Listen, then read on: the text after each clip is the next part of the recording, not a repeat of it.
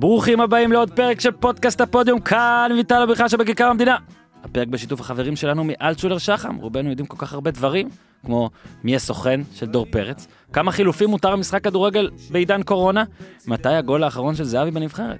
אבל כשזה נוגע לנו, לאחד החסכונות החשובים והקריטיים בחיינו, אנחנו פתאום לא כל כך יודעים מה, איפה וכמה, נכון? אתם יודעים מה הייתה התוצאה במשחק הנבחרת הראשון שראיתם, אבל מה עם הפנסיה? את זה אתם פחות יודעים, אה? אני מודה. גם אני לא ידעתי איפה בדיוק הפנסיה שלי ומה הכסף שלי עושה שם כל יום.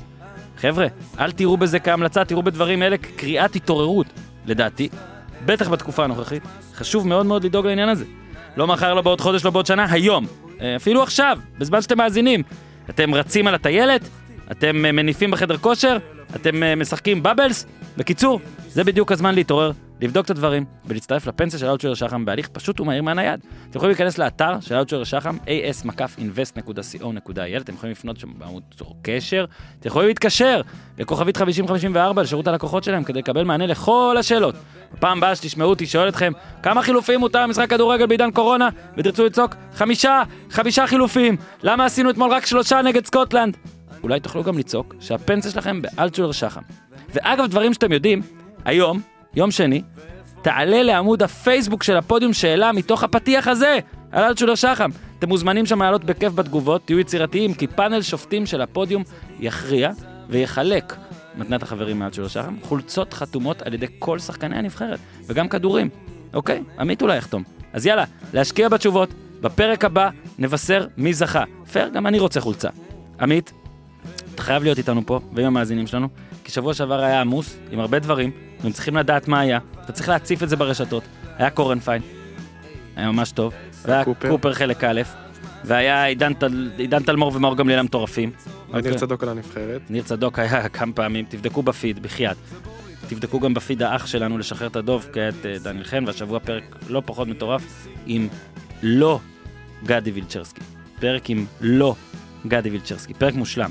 ואצלנו בפודקאסט הפודיום השבוע, אז הנה יש נבחרת ו-NBA היום, עוד מעט אלפז אחרי ניר, ואביב אה, לוי מהסושיאל של אה, ברצלונה. ממש אמור- מחר. אמור לבוא, כן, בלי נדר. יבוא מחר, נראה מתי נעלה את זה, אבל הוא אמור לבוא, קודם שיבוא. אה, לסכם את משחק הכוכבים גם, שאני אמור לשחק בו היום, לשחק, להפריע. קופר חלק ב', ועוד דברים שהשתיקה מכוערת להם. והכי חשוב, עמית, גיזם עדיין כאן. פסח, אוקיי? רק שהפעם, מספרים שזו כנראה הפעם האחרונה. אוקיי, זה כמו כוורת ב-2013. שכל כל פעם הוסיפו עוד הופעה ועוד הופעה, אבל אז אמרו מתישהו זה באמת יהיה די. אני לא יודע, אולי באמת זה נכון. שמונה שנים, לא, זהו, נגמר. אז איך אומרים בסיפורי פוגי? גיזם! כן אבל זה היי קלאס, ניו אייג', אקסטרה extra large, מה special from the United States או ארצות הברית. זה בור בלי תחתית. אהלן, ניר צדוק. אהלן, מה העניינים? אה, אני אגיד לך את האמת, מבאס. אני... למה? תראה, לא, לא ציפיתי לעלות. לא ציפיתי ליותר מדי גם אה, משני המשחקים האלה, של, שלוש משש אני חושב שציפיתי, זה בסדר וזה. אתמול סיימתי את המשחק. ו... שלוש משש זה למעשה שלוש משלוש. כן, כן, כן, או כן, שלוש משלוש. לא אז זה לא אחרי- כזה אכזבה. לפני מולדובה. אפשר גם לא לנצח אותם, כן? אה, אז זה, אף אחד. אפשר- אז אני מסביר, אני מסביר. כאילו, אני זורק את האחד משש מהחלון, ולא משנה לי, וגם, אתה יודע, כל המשחקים תחת רוטנשטיינר, זורק את הכל מהחלון. אני מדבר איתך עכשיו נטו על הרגשה.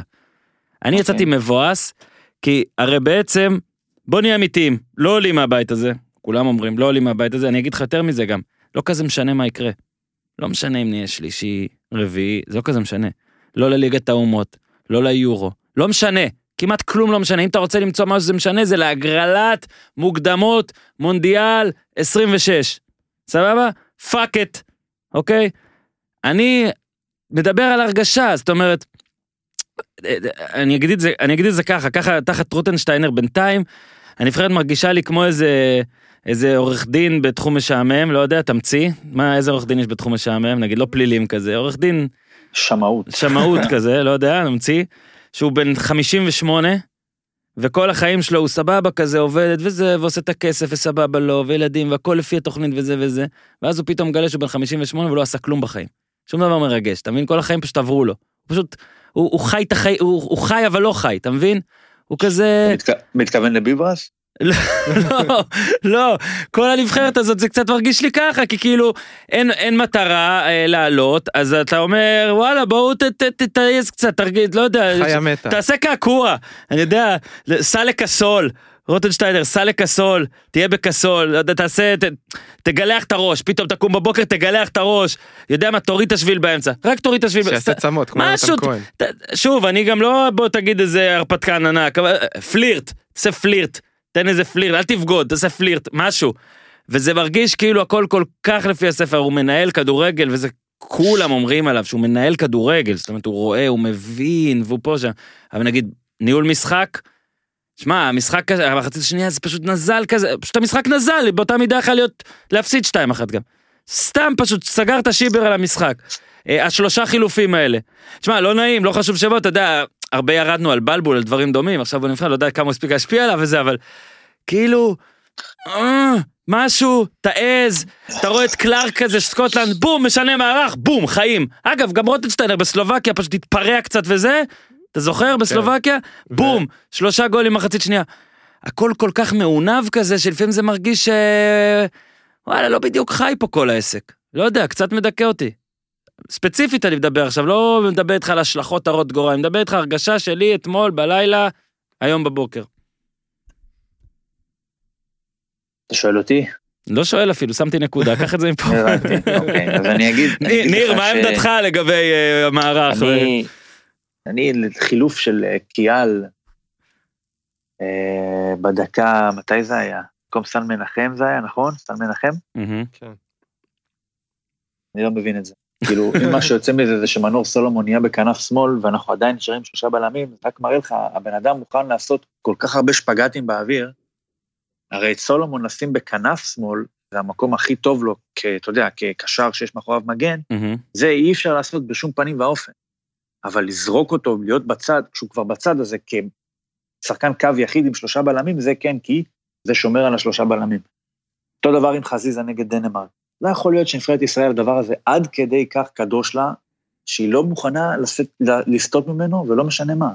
עכשיו, תגיד לי, אם זה כל כך מוצלח, אז אני מבין. אם היינו מוצאים פה איזו שיטה שבאמת הביאה אותנו ליורו, או לחילופין, עיצבה את ההגנה ברמה שחמישה מעשרה משחקים בקמפיין מוקדמות היורו לא ספגנו שער בזכותה, אז אני מבין למה, דבק, למה דבקים בה, אפילו במחיר של אה, כל מיני אה, מוטציות כמו סולומון אה, קו ב-532.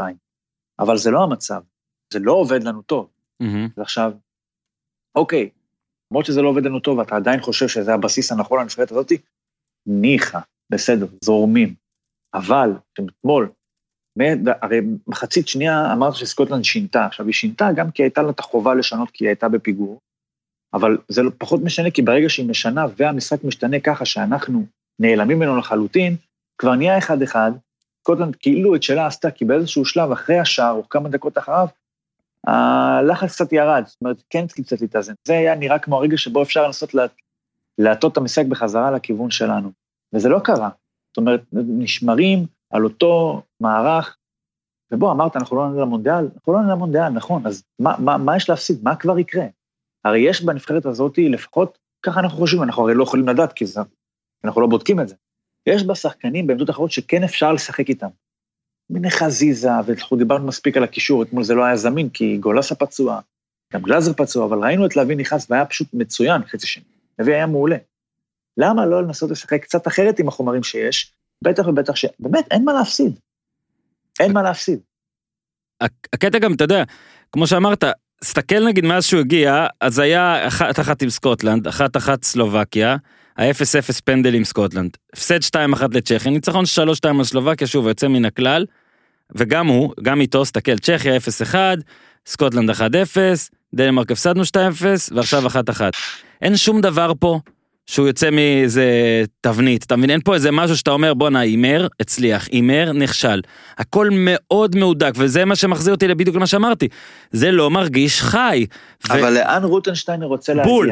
הרי, כאילו, הרי בעצם מה- אתה, אתה הולך הלאה, אתה בעצם אומר, הסיכוי של הנבחרת הזאת לעשות משהו אה, באמת יפה יותר, זה שוב לנסות את הליגת האומות, דרך היורו, של היורו, של היורו, לעלות ליורו דרך אה, ליגת אומות שכזה, משהו כזה. לא- לא- לאו דווקא במובן הזה, אורן. כמו זה לא, מה אתה- הוא אומר, זה היסודות שצריכים להיות עם שלושה בלמים, זה מאוד חשוב. לא, אנחנו יודעים למה הוא עושה את זה, אנחנו יודעים, אין בעיה. אבל אנחנו כבר לא אבל מתווכחים על זה.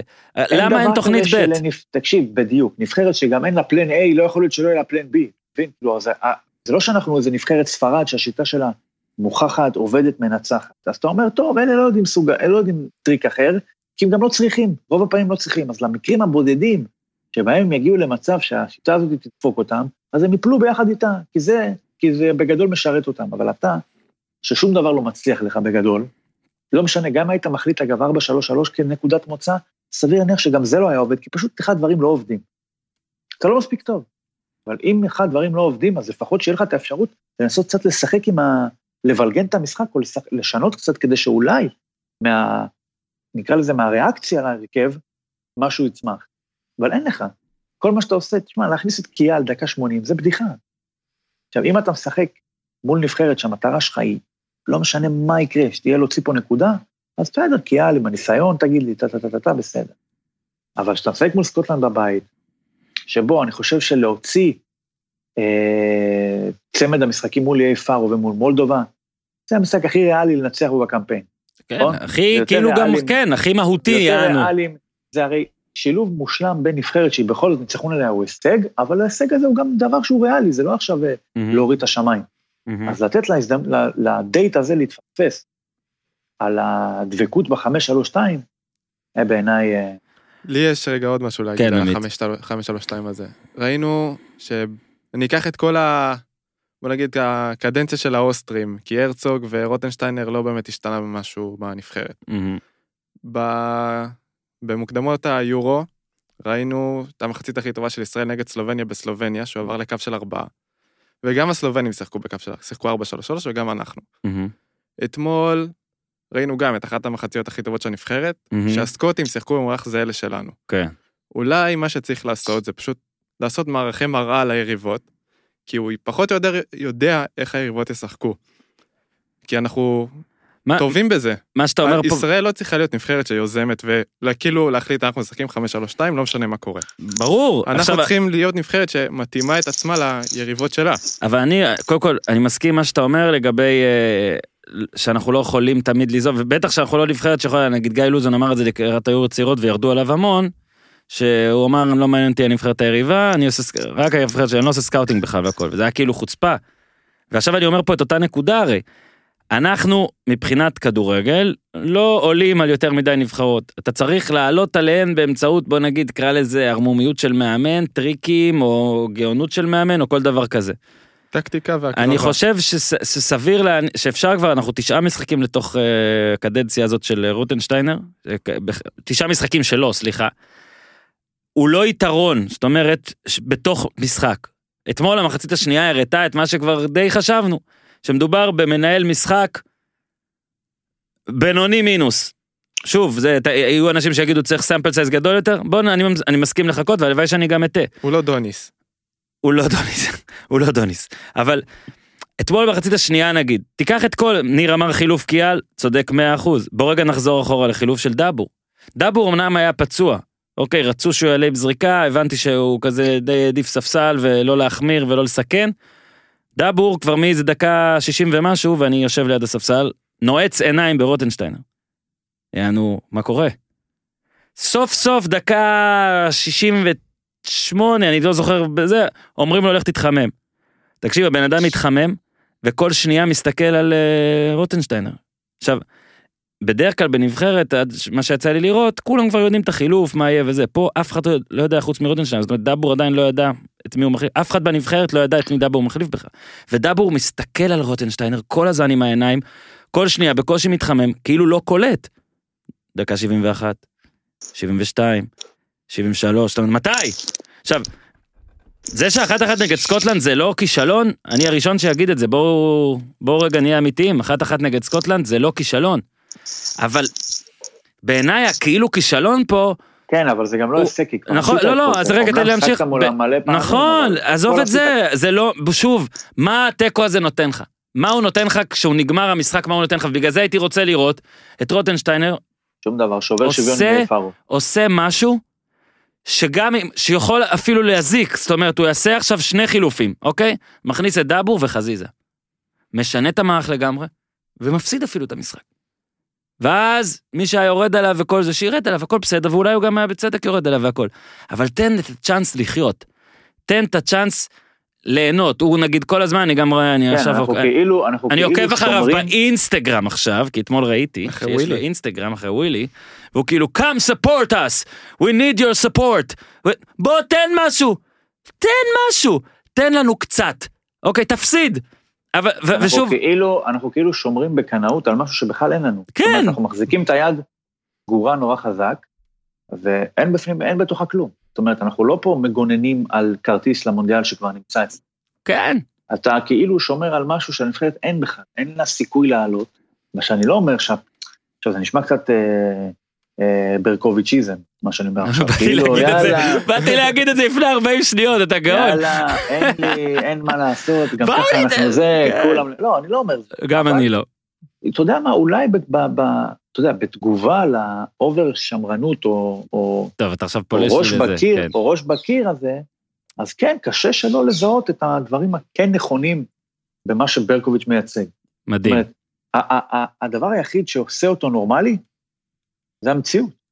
מדהים. כי אם רוטנשטיינר לא היה כל כך דבק בשיטה הזאת, והיית מרגיש באמת שאנחנו לא מעזים להתחרות על משהו למרות שאין לנו באמת מה להפסיד, אז לא, היית יכול להגיד, בואנה, ברקוביץ' מדבר שטויות, אבל בוא, אם זו המציאות, הוא לא יכול לדבר, זה לא יכול להיות כל כך שטויות מה שהוא אומר.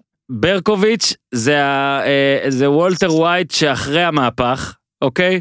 ומי שראה Breaking Bad, מי שלא סליחה, מי שראה...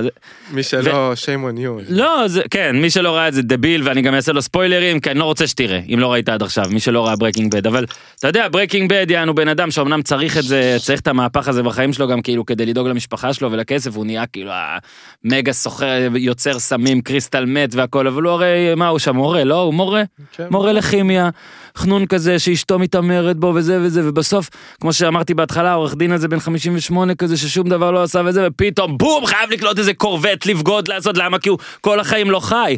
אז uh, פה, uh, כאילו אנחנו, אתם, תראו מה יקרה, אם זה ימשיך להיות רוטנשטיינר זה יהיה ברקוביץ'. זה האיום שלנו כאילו, אתה מבין? הוא, רוטנשטיינר גורם לברקוביץ' להיראות כמו, ה, אתה יודע, זה קיצון לפה, זה קיצון לפה, אז אתה רוצה כבר את הקיצון הזה. והקיאל זה חילוף, מה שניר אמר, ודבור, ועכשיו בוא נלך טיפה נצא אחורה וזה. מאז הקורונה יש חמישה חילופים, אוקיי? רוטנשטיינר עשה רק שלושה. עכשיו עזוב את זה שבזמן המשחק אני עוד מתריע ככה בשידור וזה לאורחים והכל ואני אומר תקשיב אם מישהו נפצע עכשיו אין. אבל זה גם עזוב אתה רק את הנפצע או לא. אתה בעצם פה אמרת ואני שאלתי אותו את זה אחרי המשחק בריאיון של אה, בכאן. והוא כמו אחרי דנמרק היה מאוד מאוד מרוצה זאת אומרת אתה אנחנו לא מדברים על אותם דברים. לי הגישה ואני לא מאמן כדורגל ואני לא פה ושם הגישה שלי הייתה שוואלה אחת אחת נגד סקוטלנד אמנם לא נורא אבל בוא אבל ננסה. ברור לך בוא ננסה. שלמאמן יש אינטרס לדגמן את האחד אחד בתור הצלחה, הרי אפשר יהיה לדרוש ממנו להיות זה- אמיתי או לחשוב כמונו ולומר, אה, איזה פספוס, היינו יכולים יותר. אבל אחרי המשחק obviously- כן, אבל למה במשחק לא? obviously, ברגע שהבן אדם לא משנה משהו, אז הוא לא פועל מלכתחילה כאדם שנראה לו שזה לא הצלחה. הוא כן חושב שהאחד אחד הזה זה הצלחה. זאת אומרת, מאמן של נבחרת ישראל, כרגע, הוא אולי אחרון המאמינים בנבחרת ישראל. והוא לא בהכרח טועה, אבל יכול להיות שבעמדה הזאת צריך בן אדם שיאמין בנבחרת הזאת אפילו מעבר לגבול ההיגיון. זאת אומרת שיותר, שיחשוב שהיא שווה יותר ממה שהיא שווה באמת, כי אם הוא יחשוב ככה, אז הוא יוכל לפתוח את המערך הזה, לא נגיד לך מדקה 20, לא אגיד לך מהשנייה הראשונה מול דנמרק, אבל מהדקה ה-70 מול סקוטלנד, אפשר לעשות. ח- ח- תקשיב, חזיזה, זה עכשיו כאילו אנחנו רק נתפסים ל... אוקיי, שחקן ההתקפה אולי המעניין היחיד שלא נכנס, טוב, קודם כל הוא היה היחיד, היה חייב להיכנס, בעיניי, באחת אחת, חייב להיכנס. תבלגן משהו, גם בוא נגיד את האמת, התקפה אתמול לא עבדה. ערן זהבי המשיך לבעוט על שחקנים, כמו שהוא עשה נגד דנמרק, רק עכשיו הוא עשה את זה נגד סקוטלנד, שמרו עליו הכי קרוב שיש, הוא גם קצת כפה את עצמו בסוף, בוא נגיד, נהיה פיירים. הרבה. שאני. גם, שאני גם אומר, לא, כי אני, אני, שוב, אני אומר ששחקן כמו ערן זהבי צריך תמיד לכפות את עצמו, תמיד, תמיד, תמיד, ואז כשזה נכנס, אומרים יופי הוא גאון, ואם לא, הוא, ת- הוא כאילו בשני מצבי צבירה. הוא או שהוא אגואיסט, או שהוא גולר. הוא תמיד מאה. שניהם, לא, הוא תמיד שניהם. הוא תמיד ירצה לבעוט יותר מהש... ב- מכל שחקן אחר, וכשזה לא ייכנס, אז הרבה פעמים אתה שם לב לזה, שמע, היה עדיף שתמסור עכשיו, היה עדיף שתנסה דאבל פאס, היה עדיף שתעביר לדסה, היה עדיף שתעביר סל מנחם, היה עדיף שתעביר... תמיד זה יהיה נכון, אבל כשהוא כובש, אז לא שים לב, תסתכל על הגולים שלו בקמפיין הקודם, כמעט בכל הגולים אתה אומר, אם, זה, אם הכדור עף, תדמיין שבמקום לרשת, הכדור עף למעלה. מה אתה ישר אומר? למה אתה עושה את זה? הגול נגד סלובניה, הגול נגד אוסטריה, הגול נגד סלובניה, בחוץ, תמיד אתה אומר, למה אתה עושה את זה? אוקיי? ברור, כן, אבל... אה, לא, אתמול אבל- היה רף גבוה, היה שני מהלכים לפחות, בסוף אגב, שכבר ראו, אין, הוא כל כך רוצה, שהוא לא, לא רואה אף אחד אחר. אני, שאני רואה אותו הרבה, אני רואה את זה גם בגולים. אבל ברור שכש... אגב, והביקורת מוצדקת. כי כשהוא לא... ובזה אגב, הוא כאילו חתם חוזה עם השטן או. או המלאך, מה שאתה תרצה, הוא נראה לי עכשיו מלאך. חתם חוזה, שהוא אומר ככה, אתם הולכים לשפוט אותי בשנים האלה בקריירה שלי, אם הבקעתי אני גאון, אם לא אני אגואיסט, אני זה, אני... מאלן צודק. לא, ברור שזה המשך של הצביעו ה- מאלן. זה המשך של הנרטיב שלו, זה לא, לא ראינו אתמול משהו שכאילו, אומר, בואנה, מי זה השחקן המפרגן הזה והמוסר הזה, כן, שפתאום, אה, מה עובר, מה עבר עליו? אולי הוא מוטרד ממשהו, לא, לא הייתה בקטע הזה. אבל אני חושב שמכיוון שזה האופי שלו, אז באמת, כמו שאמרת, זה עסקה, כי אם זה לא מצליח, אז זה נראה ממש ממש ממש רע. עכשיו, זהבי קסמו בזה שזה הרבה פעמים מצליח. לגמרי. אבל אתה כן יכול לצפות ממישהו, שאחרי כל כך הרבה ניסיונות שהכדור, אוקיי, זאת אומרת, שומעים עליך צמוד, כל הכדורים שאתה בועט פוגעים במישהו אחר, אפילו לא מגיעים לשער, אז בוא נסיק מזה איזושהי מסקנה. ואני לא בא ללמד אותו כדורגל, הוא מבין יותר טוב ממני, בטח אינסטינקטיבית כדורגל, מהמם. אבל אם מישהו כל כך קרוב אליך עוד פעם ועוד פעם ועוד פעם, אז מישהו בהכרח פנוי במקום אחר. חד משמעית. זהבי הוא לא, בוא נגיד, הנבחרת בשנתיים האחרונות, שנתיים וחצי האחרונות, יצאה נשכרת מהתכונת אופי הזאת של זהבי. היא יותר הרוויחה מהפסידה. אבל כשהיא מפסידה בגלל התכונת אופי הזאת של זהבי, אז זה מאוד צורם. חד משמעית. אומרת- הקטע הוא, הקטע הוא שנגיד אם אני... ואתה יודע, דיברו על זה, למה לא החליפו. אתה יודע, די, נו, בסדר. זה בלתי אפשרי. איזה לא- שטויות. לא- לא רק גם לא בגלל שווייסמן ש... היה טוב, שאתה יודע. לא, זה לא, לא לא, משנה, לא תפסיקו. להגיד, גם אם כמה אפשר להגיד, כמה. אפשר להגיד, כ- תקשיב, הסיפור היחיד על חילוף של ערד זהבי, הטמטום היחיד שאפשר לחבר לחילוף של ערד זהבי זה כשפאולו סוזה הוציא אותו נגד באזל. מאז, אבל זה היה עוד לפני שהוא נהיה... לא, אבל שוב, זה גם לא קשור עכשיו לזהבי. קח כל שחקן אחר, כן? קח את השחקן אה, שכבש הכי הרבה בתולדות נבחרת אחרת, אוקיי? זה- לזהבי יש את שפיגלר ועליו, גם על זה אפשר להתווכח עד כמה הגולים שם היו זה וכל... זהבי הוא זה שכבש, הוא מקום שלי, אוקיי? בכיבושים בישראל, הוא בטוח הגולר הכי טוב שיש לנו עכשיו. קח את הגולר הכי טוב של כל נבחרת ושל כל קבוצה, ועכשיו תתחפש לאוהד, אוקיי? ותגיד, תדמיין שאתה האוהד הזה שאומר, שמע, צריך להחליף אותו. חייבים להחליף אותו. עכשיו בוא, הנה אני אקח את זה סתם דוגמה. אנגליה לא מ- לא מוציאה את ארי קיין. כן, כאילו, אתה יודע, צריך, לא, לא, אני מנסה לא ללכת גם למסי, לרונלדו, לזה, למרות שבקנה מידה מדובר באותו דבר, בקנה מידה, בקנה מידה, בקנה מידה, אוקיי? אתה לא מוציא את השחקנים גם האלה. רונלדו זרק סרט קפטן. וואי וואי בכלל אתה לא גם אתה תקשיב אתה לא מוציא את השחקנים האלה אני אגיד לך גם ככה גם את מנור אני לא מוציא אף פעם מעכשיו אף פעם לא מוציא אותו אף פעם גם דור פרץ. כן זה אחרת אבל זה זה דבר אחר לא זה פשוט אחרת. לפעמים בגלל טקטיקה וזה תפסיקו לבקש להוציא את האנשים האלה כי מאמני כדורגל לא יעשו את זה. אוקיי ואתם תתעצבנו והכל אבל לא רק רוטנשטיינר מאמני כדורגל לא יעשו את זה. לא יעשו את זה. לא את זהבי ולא את הזהבי של כל נבחרת ולא את הזהבי של כל קבוצה אלא אם כן לא יודע יש לך ריבוי אתה יודע יש לך ארבעה כאלה סבבה פייר לא יודע ליברפול לפעמים אתה יכול להגיד מה הוא מוציא את סאלח וזה ואתה רואה בסדר. לא מוצאים אני מסכים אה, עם כל ה... ניר יש אצלך רוח או כלבים אני מסכים עם הביקורת כלבים. של כלבים אני מסכים עם מה זה מסכים לא צריך להסכים הוא יסכים כולנו ראינו לא היה טוב אתמול פשוט צריך לעבור למשחק הבא.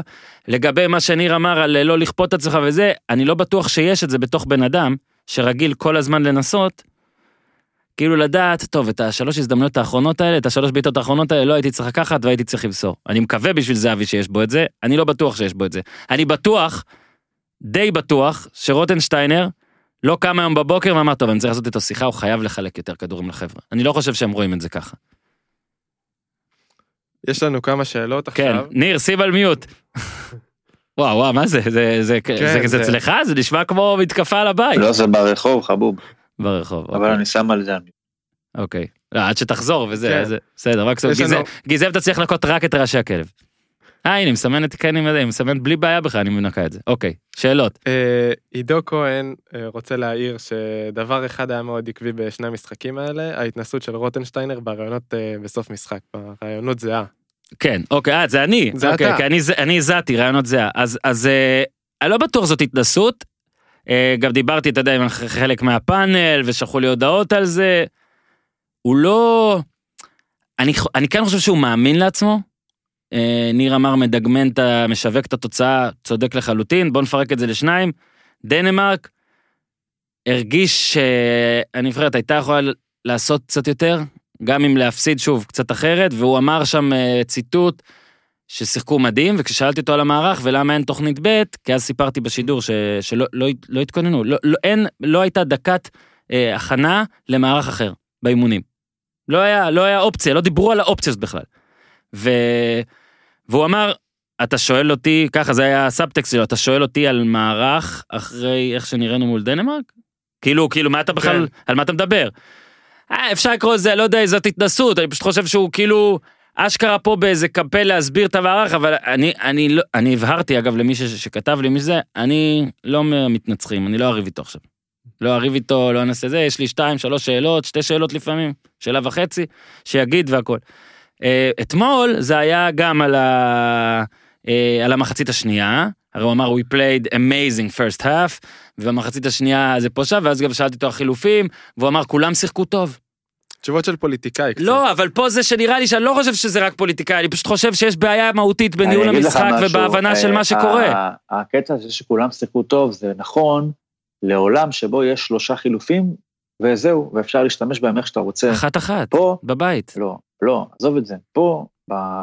עם חמישה חילופים שהם אפשריים רק במתכונת של שלוש פעימות, באיזשהו אופן, מאמן לא יכול להרשות לעצמו לעשות שלושה חילופים בודדים. לא יכול. כי אז אתה מגיע למצב שאתה לא יכול להשתמש בחילוף בסוף, כמו שעופר ירד נפצע, עזוב. אם זה היה קורה חמש דקות קודם והיה צריך למשוך ככה עוד חמש דקות, מה היה קורה? מה היה קורה אם מקבלים גול? נכון? אז אם אתה רוצה להכניס את אה, נטע לביא ושון וייסמן, כבר נראה לך שעשה את ש... הרי בוא, אנחנו היינו יכולים להעריך ששון וייסמן יוחלף בשלב מאוד מסוים בחצי השני, בדבור, לא משנה אם זה יהיה דבור או מישהו אחר. לא, זה, דבור פצוע בול או לא. זה. זה. אז תכניס את נטע לביא ביחד עם דבור, וככה נפתח החלון למקרה שבסוף תצטרך להכניס עוד מישהו, אבל לכבול את עצמך בשלושה חילופים פר... בודדים לכך שאתה לא תוכל להכניס עוד אנשים, זה קצת, אה, אתה יודע, לא, גם. זה זה בדיוק החזיזה, זה עכשיו זה, זה יכול להיות היה יונתן כהן כשהוא בריא, אבל עכשיו זה חזיזה. אתה מרגיש שחזיזה הוא בדיוק זה גם שיש הדבר שלוש הזה, פעימות, אתה חייב לעשות לפחות פעם אחת חילוף כפול. נכון? עכשיו, לא עושה את זה. בוא נוסיף גם שזה שלושה משחקים בשישה ימים וכל הדברים האלה שמדובר על עייפות והכל. הפסקה קצרה לספר לכם על החברים שלנו מ-R&D משכנתאות. אגב, אה, שעמית, שעידן אה, תלמור אמר שאני אומר החברים שלנו והם לא באמת החברים שלנו, R&D באמת חברים שלנו, אני מדבר איתם בוואטסאפ, גם על ביתר. פרק בשיתוף החברים שלנו מ-R&D משכנתאות, קטע זה מוקדש ומכוון לכל מי שיש משכנתה ולמי ששוקל לקחת. הקטע הוא אותו קטע, אתם חייבים יועץ משכנתאות פרטי. אדם שקונה משכנתה ואין לו יועץ, הוא בעצם נותן לבנק לייעץ לו, זה כאילו שהסוכן של דור פרץ ייצג את ורדר ברמן, ולא את דור פרץ. אגב, איך לעזאזל פרץ עדיין במכבי? אפשר לשאול את הסוכן, אם אנחנו כבר מדברים על הסוכן? יש לנו את הסוכן על הקו? לא? אוקיי, טוב, אז נמשיך עם R&D. אה, משכנתה זו הרכישה הכי גדולה שתעשו בחיים שלכם, תנו לאיש מקצוע מטעמכם לייצג אתכם. כבר יש לכם משכנתה? אפילו יותר טוב. היוצאים של R&D יחסכו כסף גם לכם. פנו אליהם, יחסכו כסף, משכנתה קיימת עד כדי ככה בטוחים בעצמם שהם פועלים בגישת לא חסכת, לא שילמת. גם הבדיקה בחינם! וואו! כמה שיש מה להרוויח. אתם יודעים שיש מישהי בשם בדוי שהחבר'ה מה-R&D חסכו לה כמעט 300 אלף שקל? נדבר על 300 אלף שקל, כן? 300 אלף שקל. זה המון. קיצרו לה את המשכנתה בארבע שנים. זה פשוט מדהים. אז למה אתם מחכים? צרו קשר ב-077-270-6878, 077-270-6878, או חפשו משכנתה הפודיום בגוגל. עדכנו שהגעתם דרך הפודיום וקבלו 10% הנחה. יאללה, מהרו, הכסף שלכם כן מחכה לכם על העצים. תתחילו לכתוב אותו בחזרה. לפני שאנחנו חוזרים, עמית, יש לך עוד הודעת מערכת? כן, נו, הפתעתי אותך. ראית? למרות שביקשת ממני לפנות אליך, הפתעתי אותך. דבר. תעקבו אחרינו. כן, איפה? איפה? יש בפייסבוק. בפייסבוק, הפודיום. תעשו לייק. לייק, לייק. אה, אפשר גם לסמן אה, שאתה רוצה אה, לראות כן. את זה ראשון וכל מיני דברים נכון, כאלה. תסמנו שנראה אתכם, כן, ואומרים סוף. שפייסבוק חארות היום וכל מיני שטות כאלה. איך אתה ככה אומר ואתה רוצה שהם יעקבו, תמחוק את זה, תגיד שהם טובים. בסדר. תגיד פייסבוק, שטובים. אתם מעולים, אנחנו מתים עליכם. אחלה פייסבוק. ואינסטגרם זה גם של פייסבוק, גם. ווואטסאפ, איזה אדירים. כן, שמע, אני חושב שצוקרברג זה הבן אדם הכי טוב שנולד. מתים עליו. אז. לעקוב גם באינסטגרם, לייקים, כן. ו- טיק טוק פתחת? וטיק טוק. אנחנו. חזקים שם בטיק אנחנו טוק. חזקים? התחלנו להיות חזקים. בטיק טוק. תלמד אותי גם איך לפתוח. אורן אה, נהיה אושיית טיק טוק. אני אושייה, אה, וטוויטר. נכון? ומה עוד? אנחנו עובדים על עמוד יוטיוב, כבר יש בו כן. תכנים, אתם יכולים כבר לחפש כל מיני דברים, עוד לא, אנחנו מסדרים אותו ועובדים עליו והכל, יהיה גם עוד אבל אתם יכולים לעקוב דברים. בינתיים, עולים שם דברים. כן, עולים גם שם אם בשעות דברים. לא שגרתיות, אבל כן. עולים דברים. ואנחנו גם נשדרג, את ה- נש- נחדש את הטלגרם. יש עוד אפליקציות חדשות בעולם שלכם הילדים שאני לא מכיר? טוויץ', אה, אנחנו צריכים להתחזק בטוויץ', יש דבר כזה? כן, אפשר. ודיש, יש דבר כזה? דיש? יש? לא, אין? לא, אין יודע. דבר כזה? אפשר לפתוח האוס פארטי אבל. האוס פארטי, שיש וקלאב האוס יש, ואפשר קלאב גם כן. כל מיני דברים. אוקיי, תפתח את הכל. ונפתח גם קבוצה בוואטסאפ אולי. פתח גם קבוצה בוואטסאפ. אה, עוד מעט יהיה לנו עוד... אה, טוב, אני לא יכול לספר. עוד מעט יהיה עוד משהו. טוב, בסדר. עוד שאלות, עמית? כן, יש לנו את אה, דור למפל ששואל, מקווה שאמרתי נכון את השם משפחה, אם אה, ווילי יכול לסיים את הקמפיין, אם ווילי יסיים אותו. אני חושב שהוא יסיים אותו, שוב, זה, אתה יודע, אחרי כל מה שאני אומר פה, זה, זה לא שמישהו אחר היה נותן לך, בוא נדבר אה, תוצאתית, זה לא, כן? לא, טבלאית. לא יקרה, כל עוד, כל עוד הוא לא... הוא צריך לדעתי להפסיד אה, למולדובה ויהיה פארו. כדי שיקרה משהו אה, מיידי כזה. שאלה אם הוא יהיה מאמן בקמפיין הבא, וזה כנראה שלא, כי אני חושב שכמו שאתה לא, אף אחד לא יכול היה להגיד שהוא יהיה מאמן בקמפיין הזה, אז אני חושב שלהגיד עכשיו שהוא יהיה מאמן בעוד קמפיין זה הזוי אבל זה בדיוק מתקשר, ומופרך. בדיוק זה מתקשר לא. למה שהוא הוא פה מצפה. בשביל הזה, נראה לי שהוא כאן בגלל איזשהו, אתה יודע, גם סוג של. בארטר או בארטר משהו זה. טוב. משהו כלכלי כזה שמאוד אה, משתלם, שהוא שהוא בוא- המאמן. בוא נשים כוכבית גם, כן? השחקנים מתים עליו. בסדר רובם.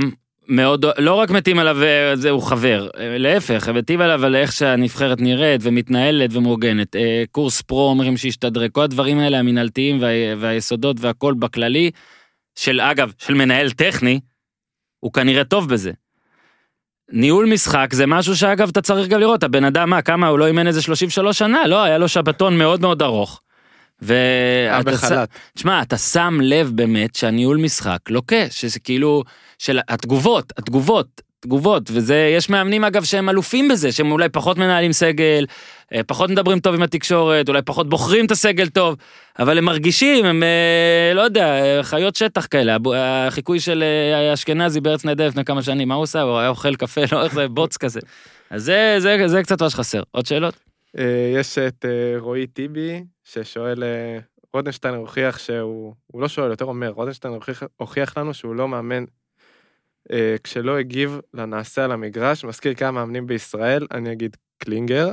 אה, אתה אומר עמית או הוא אומר? אני אומר. אתה אומר קלינגר. אה. אתה, לא. אומר ניר פה, בוא, גם נפתח אותו. רשמתי את זה ב lineup, נכון, נכון. זה הרגיש אה, כמו שקלינגר כזה מוביל 1-0, ואז פתאום אה, רז שלמה וכל מיני שטויות כאלה, ניר עכשיו, זה... תשמע, ניר מבסוט עליך עכשיו, הוא כזה אומר, וואו, אתה מרים לי. ניר, האם לא, רוזנשטיינר מועמד להפועל תל אביב? לא, קלינגר אבל לא מתחיל עם שלושה בלמים כדי שהוא יוכל לעבור לשלושה בלמים. אתה מבין, אי אפשר לעבור לארבעה בלמים. צריך תמיד שאפשר יהיה ללכת מדרגה אחת אחורה, אז בזה הוא שונה ממנו קצת. רוטנשטיינר, הוא כבר מתחיל אחורה, הוא פשוט לא מתקדם. עוד משהו עמית? אה, בשאלות, לא. סיימנו, אוקיי. אז אז רק נגיד, בוא אה, נדבר על דור פרץ. כן, אה, בדיוק. ניצל אתמול מ- מי- מהצבא כבלם.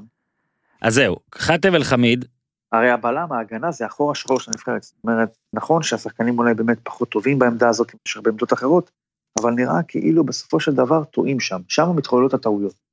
הרי אולי גם זהבי טועה, אבל אין לזה ביטוי אה, פטאלי כמו שיש לטעות בהגנה שהופכת לשער, כמו בשער השני, למשל שספגנו בדנמרק. כן. אז יכול להיות שדור פרץ, באמת בלי קשר לזה שנחסך ממנו להיות באזור הזה, במשולש ברמודה ששם קורים דברים, אה, להיות קדימה יותר. הגול הזה הוא באמת אה, הכניס קצת שכל אה, והראה את האבסורד של החצי השני מול דנמרק, כי לשים שחקן כזה כבלם, זה שוב, זה קצת כמו שאמרתי בהתחלה עם סולומון ככנף שמאל, זאת אומרת, כדי לקדש את השיטה הזאת, אנחנו מוכנים לעשות הכל, אפילו לשים את הראש של הפירמידה בבסיס. דור פרץ, התמודד מול דנמרק, אחד הבודדים, הוא ודסה נגיד, פיזית והכל. במשחק הזה הרי אנחנו כאילו מפרגנים אה, לרוטנשטיינר שהחליט נכון, אבל בוא נגיד שחאתם אל-חמיד, שעבר מבחן כשירות, בעיניי השאיר את פרץ שם.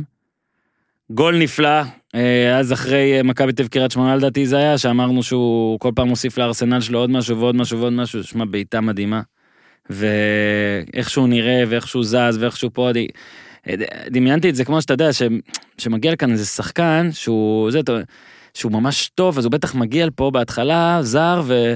אתה אומר, לא הוא בטח ייפצע עוד מעט. לא זה, לא זה אפילו, הוא בא כזה ואומר, למה אני, מה אני עושה פה? מה אני עושה פה? בטח הסקאוטים שבאו אתמול לראות את דור פרץ, הם לא הבינו מה קורה. רגע, בן כמה הוא? הוא עדיין פה, בליגת העל, של ישראל, הוא משחק בישראל. זה, והם בטח אמרו, זה כמו, כתבתי את זה בטוויטר, זה כמו, זה כמו שאתה מחפש דירה נגיד, נהיה עכשיו מאוד פרובינציאליים, בתל אביב נגיד, מי שלא, זה, תשימו את זה במחולל דירות וזה, אתה רוצה דירה, אמצע תל אביב, ארבעה חדרים, לא יודע, רוטשילד כזה, ארבעה חדרים, מרפסת, חנייה, זה זה, אתה רואה מחיר, 4,500 שקל לחודש. אתה, אתה בא ואתה אומר, "שמע, עובדים עליי, משהו פה לא בסדר. אלה באים, רואים דור פרץ, משחק ב, עדיין בישראל, בגיל שלו, לא יצא אף פעם לחו"ל, לא זה, בטח אומרים, "אה, מה אני מפספס פה? כן, מה הוא מסתיר? מה יש פה? יש? פה איזה פגיעה? איך הברך שלו? מה הסיפור? הוא אולי, לא יודע, אולי הוא חצוף? מה יש לו? הוא חייב, חייב לחיות בבית? אסור לצאת? מה אני מפספס? ושמע, זה מדהים. הוא ונטע לביא, אגב, לדעתי לא צריכים להיות פה, וזה מצער אותי, כי כבר אמרתי שהאינטרס שלי, גם עם הפודקאסט בטח, אנחנו רוצים שיהיו פה כמה שיותר. בואו גם תחזרו, זה אבי רפאלוב, כולם, תביא את מאלן. אבל דור פרץ, זהו, לדעתי גם, אתה יודע, לפעמים גול כן מה שגול, שם פלומבה, אוקיי? אה, גול, גול במקום אה, אה, מרשים, ב, לא על המגרש, אלא באירוע ששמים לב אליו, נותן לך גם את הפלומבה. הוא לא יהיה פה. אם הוא יהיה פה זה מגה כישלון של כולם, אה, אלא אם כן, אה, תשמע, באמת עכשיו אה, מיץ' גולדהר בא ומתקשר אליו ואומר לו, זה, גם זה אגב, אני בספק. כי דור פרץ, למיטב הבנתי, לא מגיע מבית שאתה יודע שיש, רגע, רגע, עמית מביא לי פה את הטלפון. יש הנה. פוש. מכבי תל אביב שוקלת להציע לדור פרץ חוזה עם סעיף שחרור. שמע, וואו, אה, כאילו, תוך כדי המונולוג קיבלנו פוש. לא, אבל בסדר, זה די ברור, זה די ברור, אין להם דרך אחרת לעשות את זה.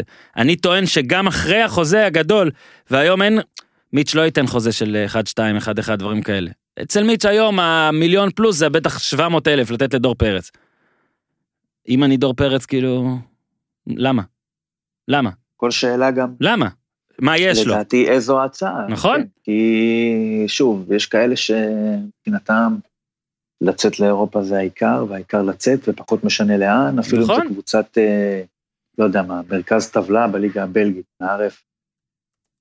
בוא נגיד ככה, דור פרץ לא יצא לסטנדרט ליאז' ולא יצא, שוב, אני לא מכיר אותו, סתם איזה מין השערה כן. השערה שטחית.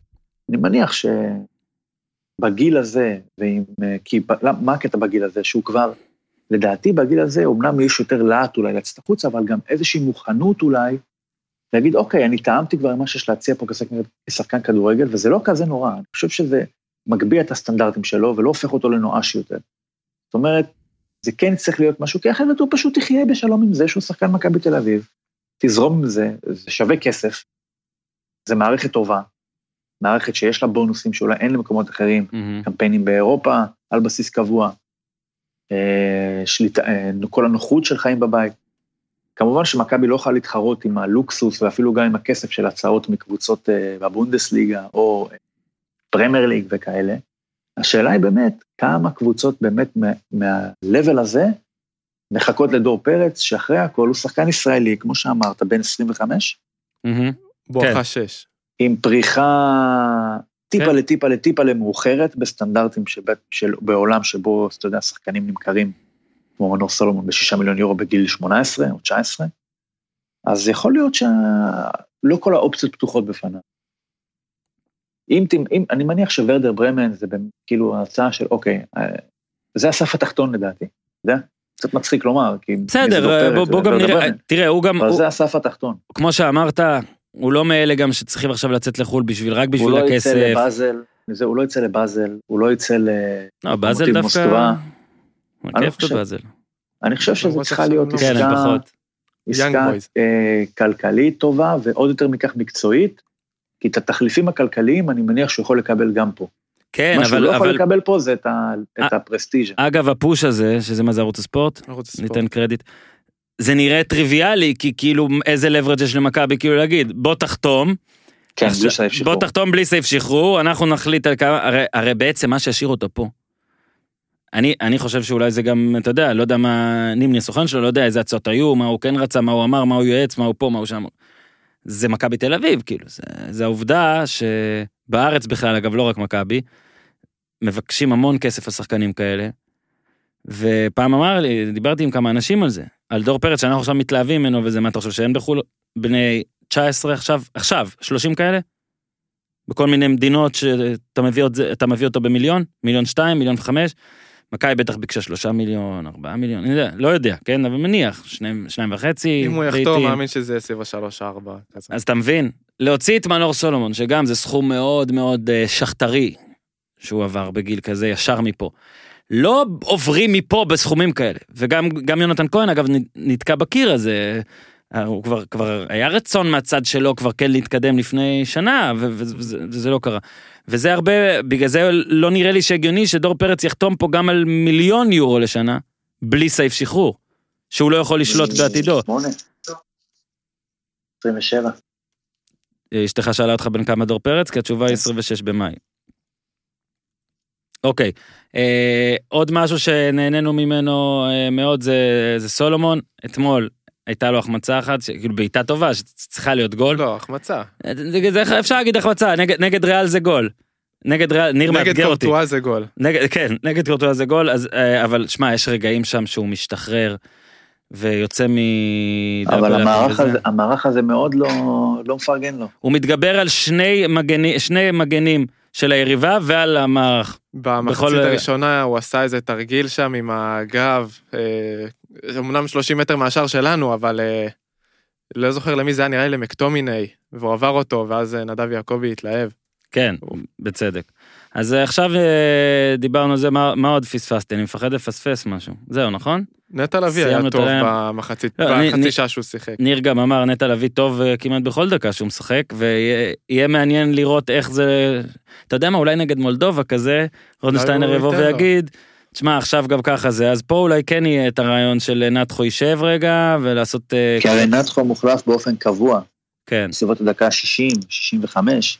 אני- אז באמת יכול להיות שמשחק שלישי בשישה ימים, כן. זה יהיה יותר מדי בשביל להגיד, אוקיי, בוא נחסוך את הטלפון הזה דקה 60 ופשוט ניתן ל...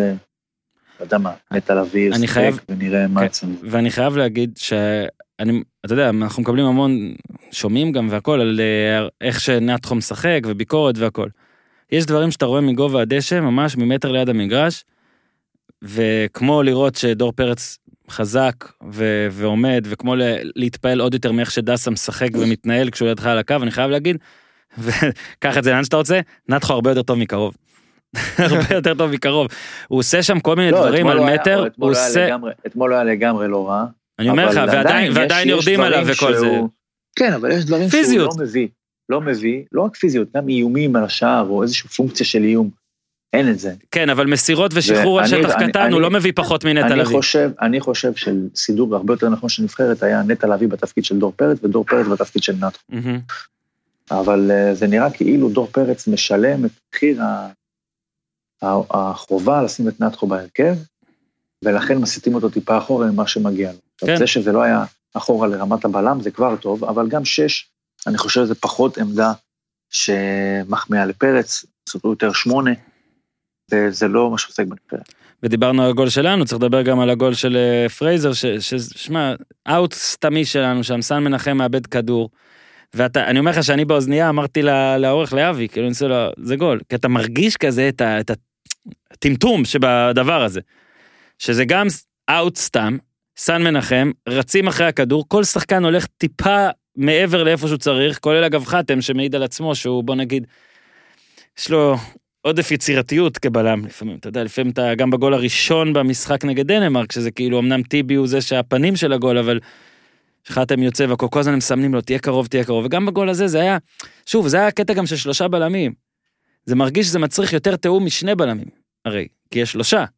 וזה תיאום שאין, לפחות ככה נראה לי, גם תחשוב שהיו שישה משחקים נגד סקוטלנד, חמישה ציוותים שונים של שלישייה, שלישיית בלמים, ותיקח 24 משחקים של האוסטרים, שכולם היו עם שלושה בלמים בהתחלה, 16 ציוותים שונים של שלושה בלמים, ב-24 משחקים. וזה גם משהו שצריך, גם את זה שאלתי אגב את רודנשטיין לפני המשחק, מה הוא ענה לי? אם דנמרק מסתדרת ככה נגד מולדובה, מובילה 5-0 בדקה 29, אני מקווה שגם אנחנו עם השינויים והכל זה. לנו זה היה טיפה פחות. אבל, יש לנו את מולדובה עכשיו. עכשיו נראה איך זה קורה. מה, אנחנו צריכים להמר על זה עכשיו? נראה איך אנחנו ממריאים מכאן. מה? מה עשינו בכלל לגבי ההימורים של המשחק הזה? מה היה? לא, אז קודם כל אורי אוזן, אה, גיטלר מוסר, אה, אוזן רציני עם שני בינגואים בנבחרת. שניים, הוא הביא את שני המשחקים בינגו. ועוד נקודה בחדרה, והוא ברח לנו, אוקיי? אתה הבאת נקודה בחדרה וטעית בשני המשחקים של הנבחר- הנבחרת, ואני פגעתי בנקודה בדנמרק. אה, הטבלה היא אוזנסון 146, מוסר גיטלר, מקניר, זה מעולה, עם 140, ווילי אורן, גיטלר, אתה מפוטר, עם אה, 139. ולדעתי עכשיו ניתן פשוט רק מולדובה, כי אחרי מולדובה טפו טפו אמור להיות משהו, אז אה, בואו מקסימום נעשה הימורי טוויטר וזה, אבל בואו מולדובה. אה, אני אתחיל, 3-1 אה, לנבחרת. ישראל. 2-1. לא, 2-0. טוב, אורי לא פה, אני מחכה לו. אה, בסדר גמור. אז אה, ניר, תודה רבה. יש לנו דש. יש לנו. דש? יש לנו דש. יש לנו דש? אה, נכון, יש לנו ניר, דש. יש דש. רק רגע. דש חשוב מאוד. חיכה לסוף. אז רציתי אה, לעשות את זה נמסור. דש לאלון קייזר ונאחל לו שימצא עבודה ויפסיק לשחק פיפא ב-11 הבוקר עם ילדים מהודו. אה, וקח את זה לתשומת לבך, כן? אנשים שאוהבים אותך. אלון, אה, אנחנו מבקשים ממך לשלוח לנו מחר ב-11 בבוקר תמונה של מה שאתה עושה, וכדאי לך שזה לא יהיה פיפא עם ילדים מהודו. תעשה פקיסטן אם אתה חייב, קצת תגוון, אל תת... אתה יודע, כמו רוטנשטיינר. שמע, אלון קייזר, הוא כמו רוטנשטיינר, רק הודו, הודו, הודו. ניר, היה ממש כיף, אני מזכיר תודה לך את האיום, אתה, אתה, אתה עומד לבוא, הבטחת, אתה כן, עומד לבוא, בהחלט. אתה מתקרב, אתה מתקרב לכאן. אז אה, תודה רבה אה, לניר, אה, הפסקה וטלפז. תודה ניר, יאללה, ביי ביי. ביי ביי. הפסקת שתייה להרים לחיים עם בירה שפירא. אוקיי, עסק בעלות שישה אחים ואבא, בירה שמיוצרת על ידי בני אדם ולא מכונות, זה ככה, זה בטעם, אוקיי, אנשים שיוצרים משהו רחוק מהטעם הגנרי שאולי התרגלתם אליו. בירה שפירא מאמינים זה משקה עממי, בגובה העיניים, מבחינת טעמים מאוד מאמינים באיזון. המלצתי לכם כבר, אתם יודעים על מה המלצתי, על ה-IPA, על הדאבל IPA, אה, מי ששומר אגב, אה, תזמינו, ואיך שיוצא, מימונות ודברים כאלה, שיהיה לכם כבר מוכן במקרר, אני יודע שלעמית, יש מארז שמחכה לו, ועמית כמוני שומר, אבל בעוד שבעה ימים, יכול לתת בראש, קיבלת מארז הביתה, תטעם אותו, תגיד מה אתה חושב. אה, שפירא מגיעה כמו אה, שהגיע אל עמית, אליכם הביתה מהמבשלה ועד פתח הבית, תיכנסו לאתר שלהם shop.shapirobeer.co.il, הזמינו את המארז שאתם אוהבים, אה, תכתבו הפודיום, קוד קופון זה 15% הנחה. אוקיי, לא כל אחד יכול להיות כמו עמית, פשוט תקבל את זה הביתה. אבל 15, כולם מקבלים את זה הביתה. כן, כולם מקבלים את זה הביתה, אתם תצטרכו לשלם על זה, אבל יש לכם 15% הנחה. תכתבו הפודיום בקוד קופון לחיים. ואהלן ירון טלפז, בוקר טוב. לא היה? וויזרדס, לא היה וויזרדס, נחת קצת. אתה רגוע. כן, לילה של שבע שעות בשבילי זה כמו שניים אחרים. איזה מניאק, וואו. לבוא ככה בבוקר הזה, עם המספר הזה, ולהגיד שבע שעות, שמע, יפה, אני מקנא. אז אה, היה קצת פסח, היה ליל סדר, אז חיכינו, אבל זה נתן לך קצת, אתה יודע, זמן גם אה, עם החרוסת והזה, להבין פה מה, איזה trade אהבת, איזה buyout לא, וכו' וכו'. מה שנעשה פה עכשיו, לפני שנמשיך ונצא הלאה בפרקים הבאים, לקראת הישורת, הלא תגיד איזה, אחרונה, לפני האחרונה, אה, בוא נדבר רגע על מה שקרה. נסגר פה חלון, ו... שנייה, לפני מה שאתה, מה שאתה כן. חושב שקרה, נו, אה, אה, אתה זוכר, נכון, יש את המונח הזה, high ankle sprain? כן. יש לי את זה, לא, כן. עכשיו, אין לי, לא הלכתי לרופא, זאת אומרת, אני החלטתי שזה high ankle sprain. אה, אוקיי. רצתי ריצת שטח של יום שישי, והנה אני בהכנות אה, עליית מדרגה, וואי, וואי. וואי. ואני פשוט רוצה, אני רוצה שאנשים יבינו שבאיפה שאנחנו נמצאים, כשאנחנו מדברים על הספורטאים, בעצם אנחנו רוצים להיות כמוהם, זה, זה העניין הרי. מהמם.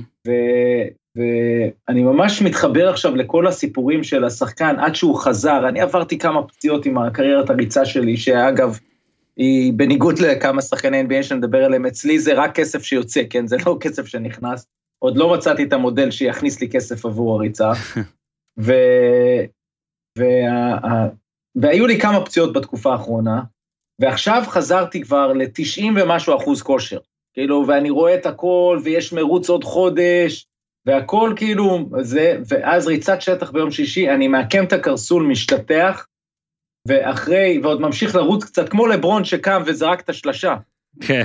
ואני ממשיך לרוץ, אבל בניגוד ללברון שעשה את זה דקה, הוא היה עוד על המגרש, ואז ירד. אני הייתי עמוק בשטח, לא הייתה לי ברירה, וגם חשבתי שאם אני ארוץ עוד קצת, I will walk it off, מה שנקרא. לגמרי. זה יצא לי עוד איזה 4-5 קילומטר של ריצה ככה, ורק אחרי זה אה, הסתכלתי למטה וראיתי כדור טניס יואו. אה, במקום קרסול, אז אה, עכשיו זה כבר ירד, אז אחרי כמה ימים. ולדעתי זה היי אנקל ספרן, כי זה יותר גבוה כאילו מהקרסול, כן? אני שוב, לכל הרופאים שמקשיבים, אז אה, אתם מוזמנים לשלוח את התיקונים, אני, אין לי מושג, זה או- הכל, אה, לכל אני עובד ש- מהבטן. לכל הרופאים שמקשיבים, אה, נא לפתוח את ה-DM וטלפז ישלח לכם את הצילום, אתה צריך להראות, תן להם איזה לא משהו, זה. מראה מקום.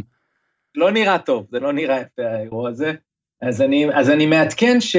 ומצד שני עברו אה, מאז אה, עכשיו שלושה ימים, אבל- והנפיחות ירדה משמעותית. מה זה, 3 to 6 weeks, אבל לא, מה, כמה אתה הולך... אה, לא, לא, יש כל מיני בעיה אנקל ספריין, אבל קודם כל תראה, ב-NBA זה יותר קשה, כן? יש להם אה, אה, שינויי כיוון, אה, כן. הם קופצים על זה, זה, זה, זה שונה, זה מגע, מגע עם עוד אנשים, אז תמיד גם כשהם אומרים 3 to 6 weeks, זה אומר, נגיד 3 weeks, הוא צריך, הוא צריך תוך שבוע כבר להתחיל לרוץ, כאילו, כי יש לו רק איזה שבועיים של חיזוקים, ושהעסק כבר לא כואב.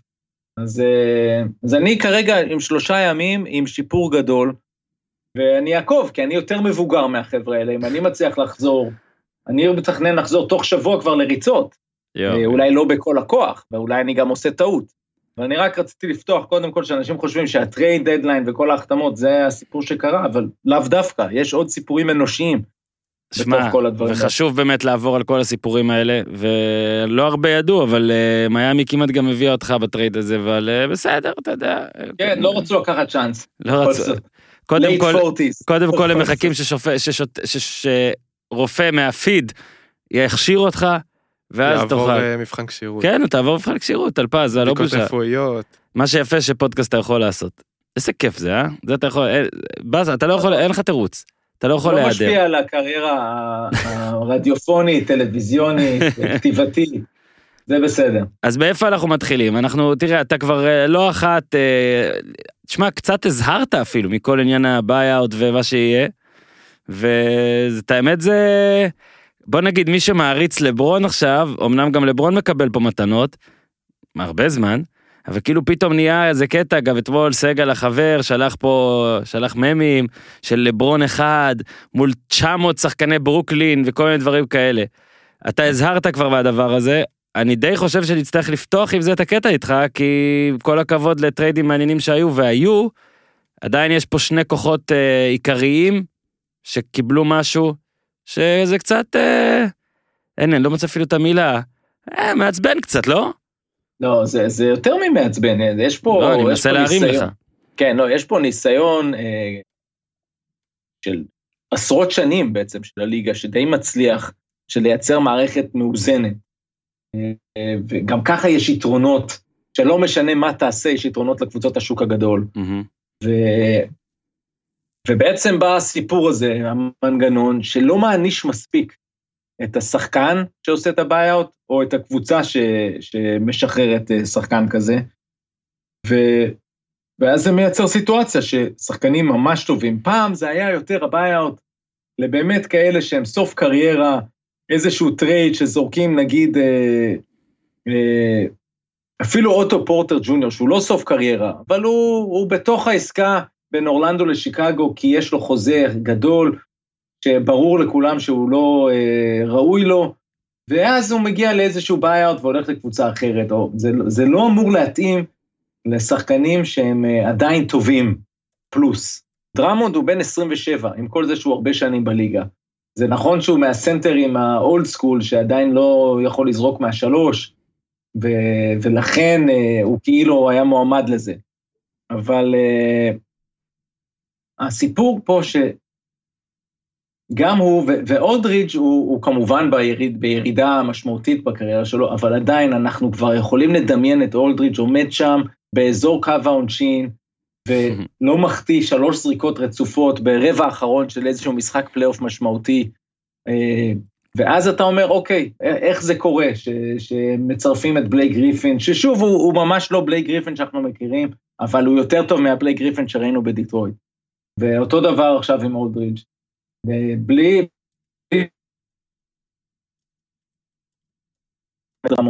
בלי, שום בעיה. ויש פה בעיה, והפתרון הוא, הפתרון הוא יהיה בין הליגה לארגון השחקנים, בחוזה הגדול הבא, של להכניס איזשהו אלמנט ש, שזה נחשב ישר, זה, זה נחשב כסף ש, שיותר משמעותי, חייב להיות איזשהו מינימום של שחקן. אז בואו בוא נסביר רגע, הנושא של ה buyout, אז רגע, אנחנו מתחילים עם השיימינג, נלך על זה כן, וזהו. אני, כן. זה מה שאני חושב. אני לא חושב שיש ברירה. כן. כן, אין ברירה. אז, אז בוא נסביר, כי גם שאלו כמה אנשים איך זה עובד.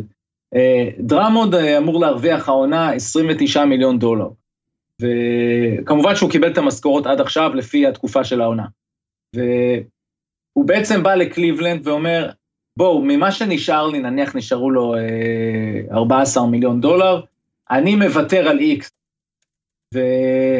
ואז אתם מרוויחים, במילא אתם לא הולכים לפלייאוף השנה, ובאיזשהו מקום אתם אפילו רוצים אולי להפסיד יותר משחקים מאשר לנצח, כדי uh, לשפר עמדות לקראת הדראפט, ואתם גם הבאתם את ג'רט אלן ואתם רוצים לתת לו דקות משחק.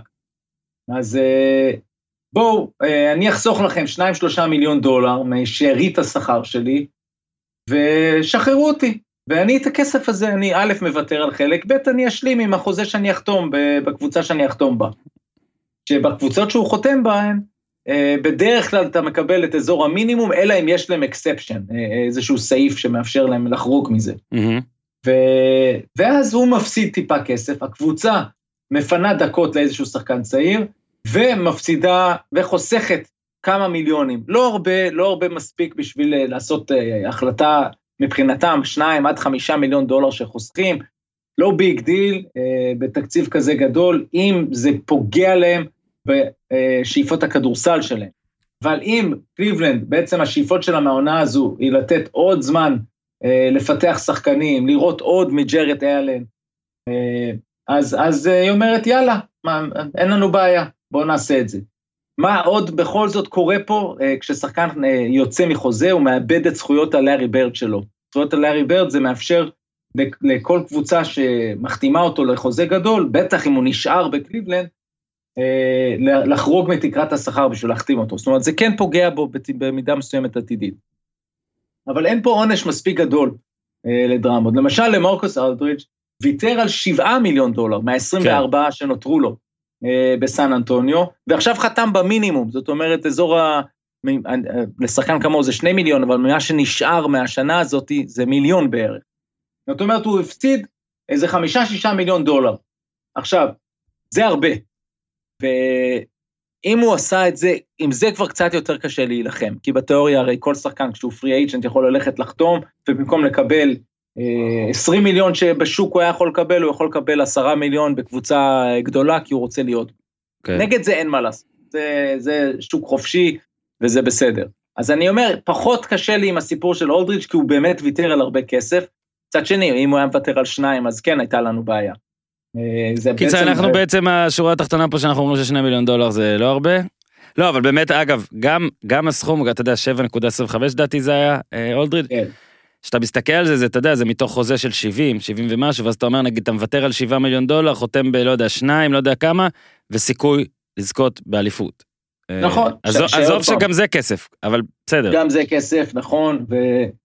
אבל אני אומר, יש בעיה פה עם המנגנון, הם צריכים פשוט להעניש יותר את השחקנים ואת הקבוצות. במקרה אגב של דרמונד, אה, אה, לפי הדיווחים, זה, זה אפילו היה יותר מהצד של קליבלנד. אה, אז, אז, אז הטענה פה היא נגד השיטה. ארגון השחקנים, כשהם יבואו למשא ומתן הזה, לא, לא ירצו להסכים ל, ל, לכל מיני דברים, כי הם אוהבים, כארגון שחקנים הם אוהבים כמה שיותר חופש החלטה לשחקנים. אז אה, לא, זה יודע, ברור. הבעיה פה הרי בעצם היא שאתה אומר, מה- במה זה פוגע? זה לא שאכפת לנו נגיד מכמה כסף שחקן עושה או משהו כזה, אה, אכפת לנו כאילו מתואר התחרות נקרא לזה ככה, הרי כעסנו מאוד כשדורנט עבר ב-2016 לגולדן סטייט, אה, וכעסנו כשלברון עבר אז למיאמי ועשה את הסופר טים, ועכשיו כאילו אנחנו כועסים, כי פתאום ברוקלין, גם עם בלייק גריפין וגם עם למרקוס אולדריץ' ועם מלא מלא מלא דמויות, כבר הרדן זה כבר וואו מזמן. וכאילו מכעיס שזה כאילו פתאום וואו זה על המשקל אתה מבין פתאום אין פה את השוויון אנחנו כל כך התלהבנו מהשוויון. שלמעשה זה, זה נהיה, כן, זה נהיה מין קטע. אה, אתה גם רואה את זה לפעמים, ו- ותמיד הייתי אומר את זה בביקורת, בכדורסל הישראלי, ו- ואני אלך, אלך איתך אפילו יותר רחוק, קבוצות ו- ומעוטות תקציב ב- כשיטה, ואני אלך איתך לדברים שזה זה נשמע אה, אה, עוד יותר איזוטרי, אבל אה, בכדוריד, בכדורסל נשים, הם, הם באים והם אומרים, רגע, אני אה, לא מחתים שום דבר עכשיו רציני, אני מביא זר אחד עכשיו, ובאפריל אני אביא עוד זר לשלושה חודשים, שם גדול. בכדורסל נשים זה למשל יותר בולט, כי אז יש לך כל מיני יכולות עם WNBA שאתה כן יכול להכניס, פתאום להנחית איזה שחקנית גדולה. אתה משלם אה, הרבה לחודשיים, אבל זה לא הרבה כשאתה מחלק את זה לעונה, ופתאום יש לך שם, וזה מגיע לפלייאוף, ופתאום, הופ, התחמשת לקראת הפלייאוף. אז אה, פתאום זה, יש פה איזה חור ב- בשיטה, שמאפשר לקבוצות להגיד, רגע, בנינו עכשיו קבוצה, אבל חכו, זה עוד לא, זאת לא הקבוצה הסופית. ו, ופתאום כשיש כבר, זה לא הכי מוריס, שאגב עשו אפקט שנה שעברה עם הקליפרס והלייקרס, אבל זה הרבה יותר מזה. זאת אומרת, זה שמות כבר, אה, אנדרי דרמונד, אם הוא יתחבר ותהיה התאמה, יכול לשחק דקות סופר משמעותיות, להיות בסוף משחק, פתאום זה סנטר. כנ"ל אולדריץ', הם שניהם יהיו בחמישייה שסוגרת משחקים בפלייאוף, אז אה, חתיכת צעד. אה, אז זהו אז, ו- אז, אז אני רק אמשיך את מה שאמרתי אז, הרי אנחנו מתעצבנים על, אה, על, ה, כאילו על הצדק על, על זה שזה לא שו, שוויוני ואיך איך כאילו אנחנו אה, מודדים באמצעות כסף. באמצעות כסף אנחנו מודדים את השוויון פה אבל ב, ברגע ששחקן מוותר על הרבה כסף זאת אומרת הוא חותם שלא בשווי שלו. הוא מעוות את התמונה.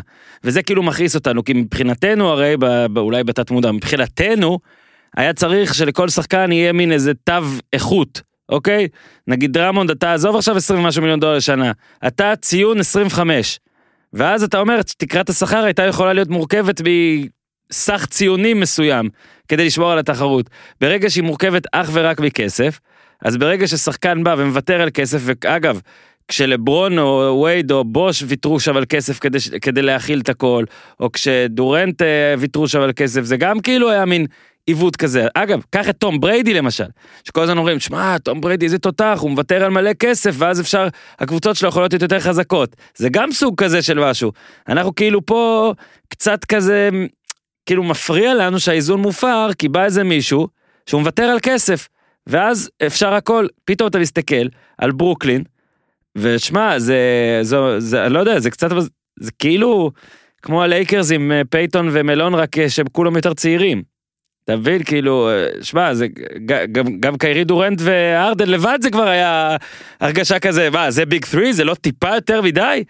נכון, ו- ובעצם אתה משחק פנטסי, בפנטסי אין לך את היכולות האלה, זה לא שאתה פתאום יכול להביא, יש לך שם, הם שמים הרי את, ה- את הסכומים על כל שחקן, מהמם. וזה לא משתנה, כן. נכון? תקן אותי. יש כאלה אה, שבתוך העונה זה קצת משתנה קצת בכל מיני בליגה האנגלית לדעתי זה ככה לא עמית שהסכומים ב- בליגה האנגלית שזה בפרמייר ליג זה לפי יכולת, תוך כדי, לפי לפי היכולת יכולת. שלהם. אז זה זה כן. לפי יכולת ברור. כן, אין בעיה, דרמ, דרמונד לא חושב שהיה יורד אם הוא, אה, יש לו ממוצעים של 17 ו-13 למשחק. לא הוא עדיין היה יקר אתה לא יכול להרכיב את ברוקלין לפי יכולת אתה יכול להרכיב אותה רק אם יש עיוות שכר אגב גם בלייק גריפין לדעתי עוד השנה מקבל 37 לא הוא בא בסיפור כמה הוא מקבל כבר השנה. כן, כן, הוא, מפציץ, הוא מפציץ. אז איך בדיוק איך בדיוק מה קורה שם אז כאילו הנה, מה, אז הנה מה שקורה. גם במס מותרות הרי יש גבול. דיטרויט משלמת את השכר שלו, אחלה. זה, זה העניין. אבל ברוקלין לא צריכה להשתתף בזה? ברוקלין לא, ברוקלין משתתפת רק בדבר אחד, מה שהיא חותמת עם בלייק, זאת אומרת, בלייק מינימום אומר... salary מיליון נקודה. שתיים. minimum salary. זאת אומרת, לפעמים תהיה סיטואציה שבעצם בלייק, שוב, נכנס לאיזשהו exception של ברוקלין, נניח היא משלמת לו את ה exception שהיא קיבלה מהפציעה של דינווידי, נניח זה היה קורה, ואז הוא מקבל חמישה מיליון, אוקיי, אז את זה דיטרויט מרוויחה, אז היא לא תשלם, אז היא, אז היא חוסכת מה... אבל בדרך כלל כשהוא מגיע להסכם עם דיטרויט, אז הוא מגיע להסכם של הנה, אני מוותר על הסכום הזה, ויהיה יותר אם אני אצליח לחתום על יותר ממה, מהמינימום בקבוצה שאני אלך אליה. אז כאילו דיטרויט מקבלת אה, אה, אופציה, היא יודעת שהיא בטוח חוסכת 2 מיליון דולר, עם אופציה שזה יגדל. אבל כל השכר שלו משולם על ידי דיטרויט פיסטונס, זה הסיפור. ובוא נ... ולכן כן. אנחנו לא אוהבים את זה, אה, בניגוד, עכשיו, קח את הדוגמאות שאמרת, כשהם בנו את מיאמי, כל אחד מהם ויתר על קצת כסף, והם Mhm. הצליחו לעשות את זה. פחות אהבנו את זה, אבל באיזשהו מקום אמרנו, אוקיי, הם מוותרים טיפה על הכסף, וראית גם בהמשך הקריירה שלו, לברון לא הסכים לוותר על הכסף יותר. זאת אומרת, הוא עשה את זה פעם אחת. קווין דורנט לא ויתר על כסף כשהוא בא לגולדן סטייט, למה? כי הוא נהנה אז מהסיפור של ה spike, של נכון. הקפיצה המטורפת, אה, בעקבות חוזה הזכויות שידור שנכנסו לליגה. אז, אז דורנט לא ויתר על זה, זה יותר מעצבן. תום בריידי עושה את זה כל השנים, כל הקריירה, ואז אתה מוריד את הכובע. ולכן אני גם... מניאק. אם- טום בריידי הכל בא- מותר לו. זה, כי, כי, כי הוא תום בריידי, כן. דיברנו על זה פעם, הוא מנצח אותך ב, ב, כשהוא מרים לך טלפון, והוא תשמע, בוא עונה נגיד- לקהל. בוא נגיד הוא גם לא מאמה תרזה כן הוא משיג את הכסף במקורות אחרים ומאשתו. זה גם נכון, הוא אומר את זה בעצמו, הוא אמר בריאיון, אשתי מרוויחה יותר ממני, אז אני יכול לעשות את זה. צריך לדעת. אבל עדיין הוא עושה. את זה, וזה עניין של אגו, והמון שחקנים לא היו עושים את זה. יש משהו שאי אפשר, אין מה לעשות. כשאולדריץ' מוותר על 7 מיליון דולר, שזה, שזה יותר מרבע מהחוזה שלו, קצת יותר קשה לבוא בתלונות. כי, כי עוד פעם, כל שחקן יכול לבוא ולעשות החלטות כאלה, כשהוא פרי אייג'נט, לא לחפש את מה שנקרא או- ערך שוק, אלא לחפש את היעד שהוא רוצה להיות בו, ו- ובשביל זה לעשות מלא ויתורים. אבל ה- ה- הליגה צריכה למצוא דרך כאן שפשוט תעניש יותר את המנגנון הזה. ואני בטוח שזה עובר להם בראש, ו... ושמענו, ראינו המון תלונות, כאילו, הנה, אז ב-2011 הליגה התערבה ולא אפשרה לקובי ולקריס פול לשחק יחד בלייקרס, כי אז הליגה הייתה, היה לה את המנגנון הזה, כי זה טרייד, וטרייד צריך לקבל אישור, וזה סיפור אחר שלא צריך זה גם היה אליו. קבוצה שהיא בבעלות הליגה כאילו. בדיוק, זה היה מצב מאוד נדיר אז אה, של דיוויד סטרן, אבל אה, כן, היה, מקרה- היה בטוויטר אה, בדיחה מוצלחת שרואים את קובי כזה ואומרים שקובי מסתכל על דיוויד סטרן עכשיו כועס עליו. איך אה, אז- מלמעלה. כן, אז, אז בוא אז, רגע, אה, אז בוא רגע שנייה אחרי ש... ועוד מעט תהיה לנו עוד כמה העברות והחתמות חדשות, אבל קצת על ברוקלין עכשיו בעיניך, כאילו, מה, מה, מה הסיפור פה? גם אחרי זה על הלייקרס, אבל אני יכול, אתה, בגלל שאתה כל כך רוצה לדעת, אז תדע שברוקלין במקום הראשון בסוכנויות. אז אה, כי רצית לדעת, אז אני חייב... כן, לפ- לא, לא, זה חשוב, זה חשוב. יש אבל לי גם, תראה, אה, שנייה, רגע, יש לי שאלה גם אה, מקצועית על זה, אני ארים לך עכשיו. לברוקלין עכשיו יש בסגל גם את דיאנדרה ג'ורדן, גם את קלקסטון, גם את אולדריץ', גם את גריפין וגם את ג'ף גרין. איך זה הולך לעבוד שם? יש להם פה, כאילו, חמישה סנטרים בפוטנציאל. אז זו התשובה שלי, אני אישית לא מאמין שהדברים האלה בדרך כלל עובדים. מהמם. זה יותר מדי שחקנים, יותר מדי אה, על אותה משבצת, יותר מדי שחקנים עם אותה בעיה, שבעצם איך אתה תוקף את זה, את כל הוותיקים האלה, מדיאנדרי ג'ורדן לבלייק, לאולדרידג', אה, לפחות השלושה האלה, כשהם יהיו על הפרקט, יהיה פיק אנד רול כדי להביא אותם אל הגארד. אה, מה שאנחנו רואים היום קורה בכל מקום, בכל כדורסל, בכל מקום בעולם, אה, להכריח את החילוף הזה, ששם אה, סנטר אה, אה, כבד יחסית, או גבוה כבד ו- ומתבגר על איזשהו גארד. מה שאתה לא יכול לעשות עם אה, קלקסטון, וגם יותר קשה לעשות עם ג'ף גרין, שהוא פשוט אה, לא סנטר, אז הוא הרבה יותר אה, mobile.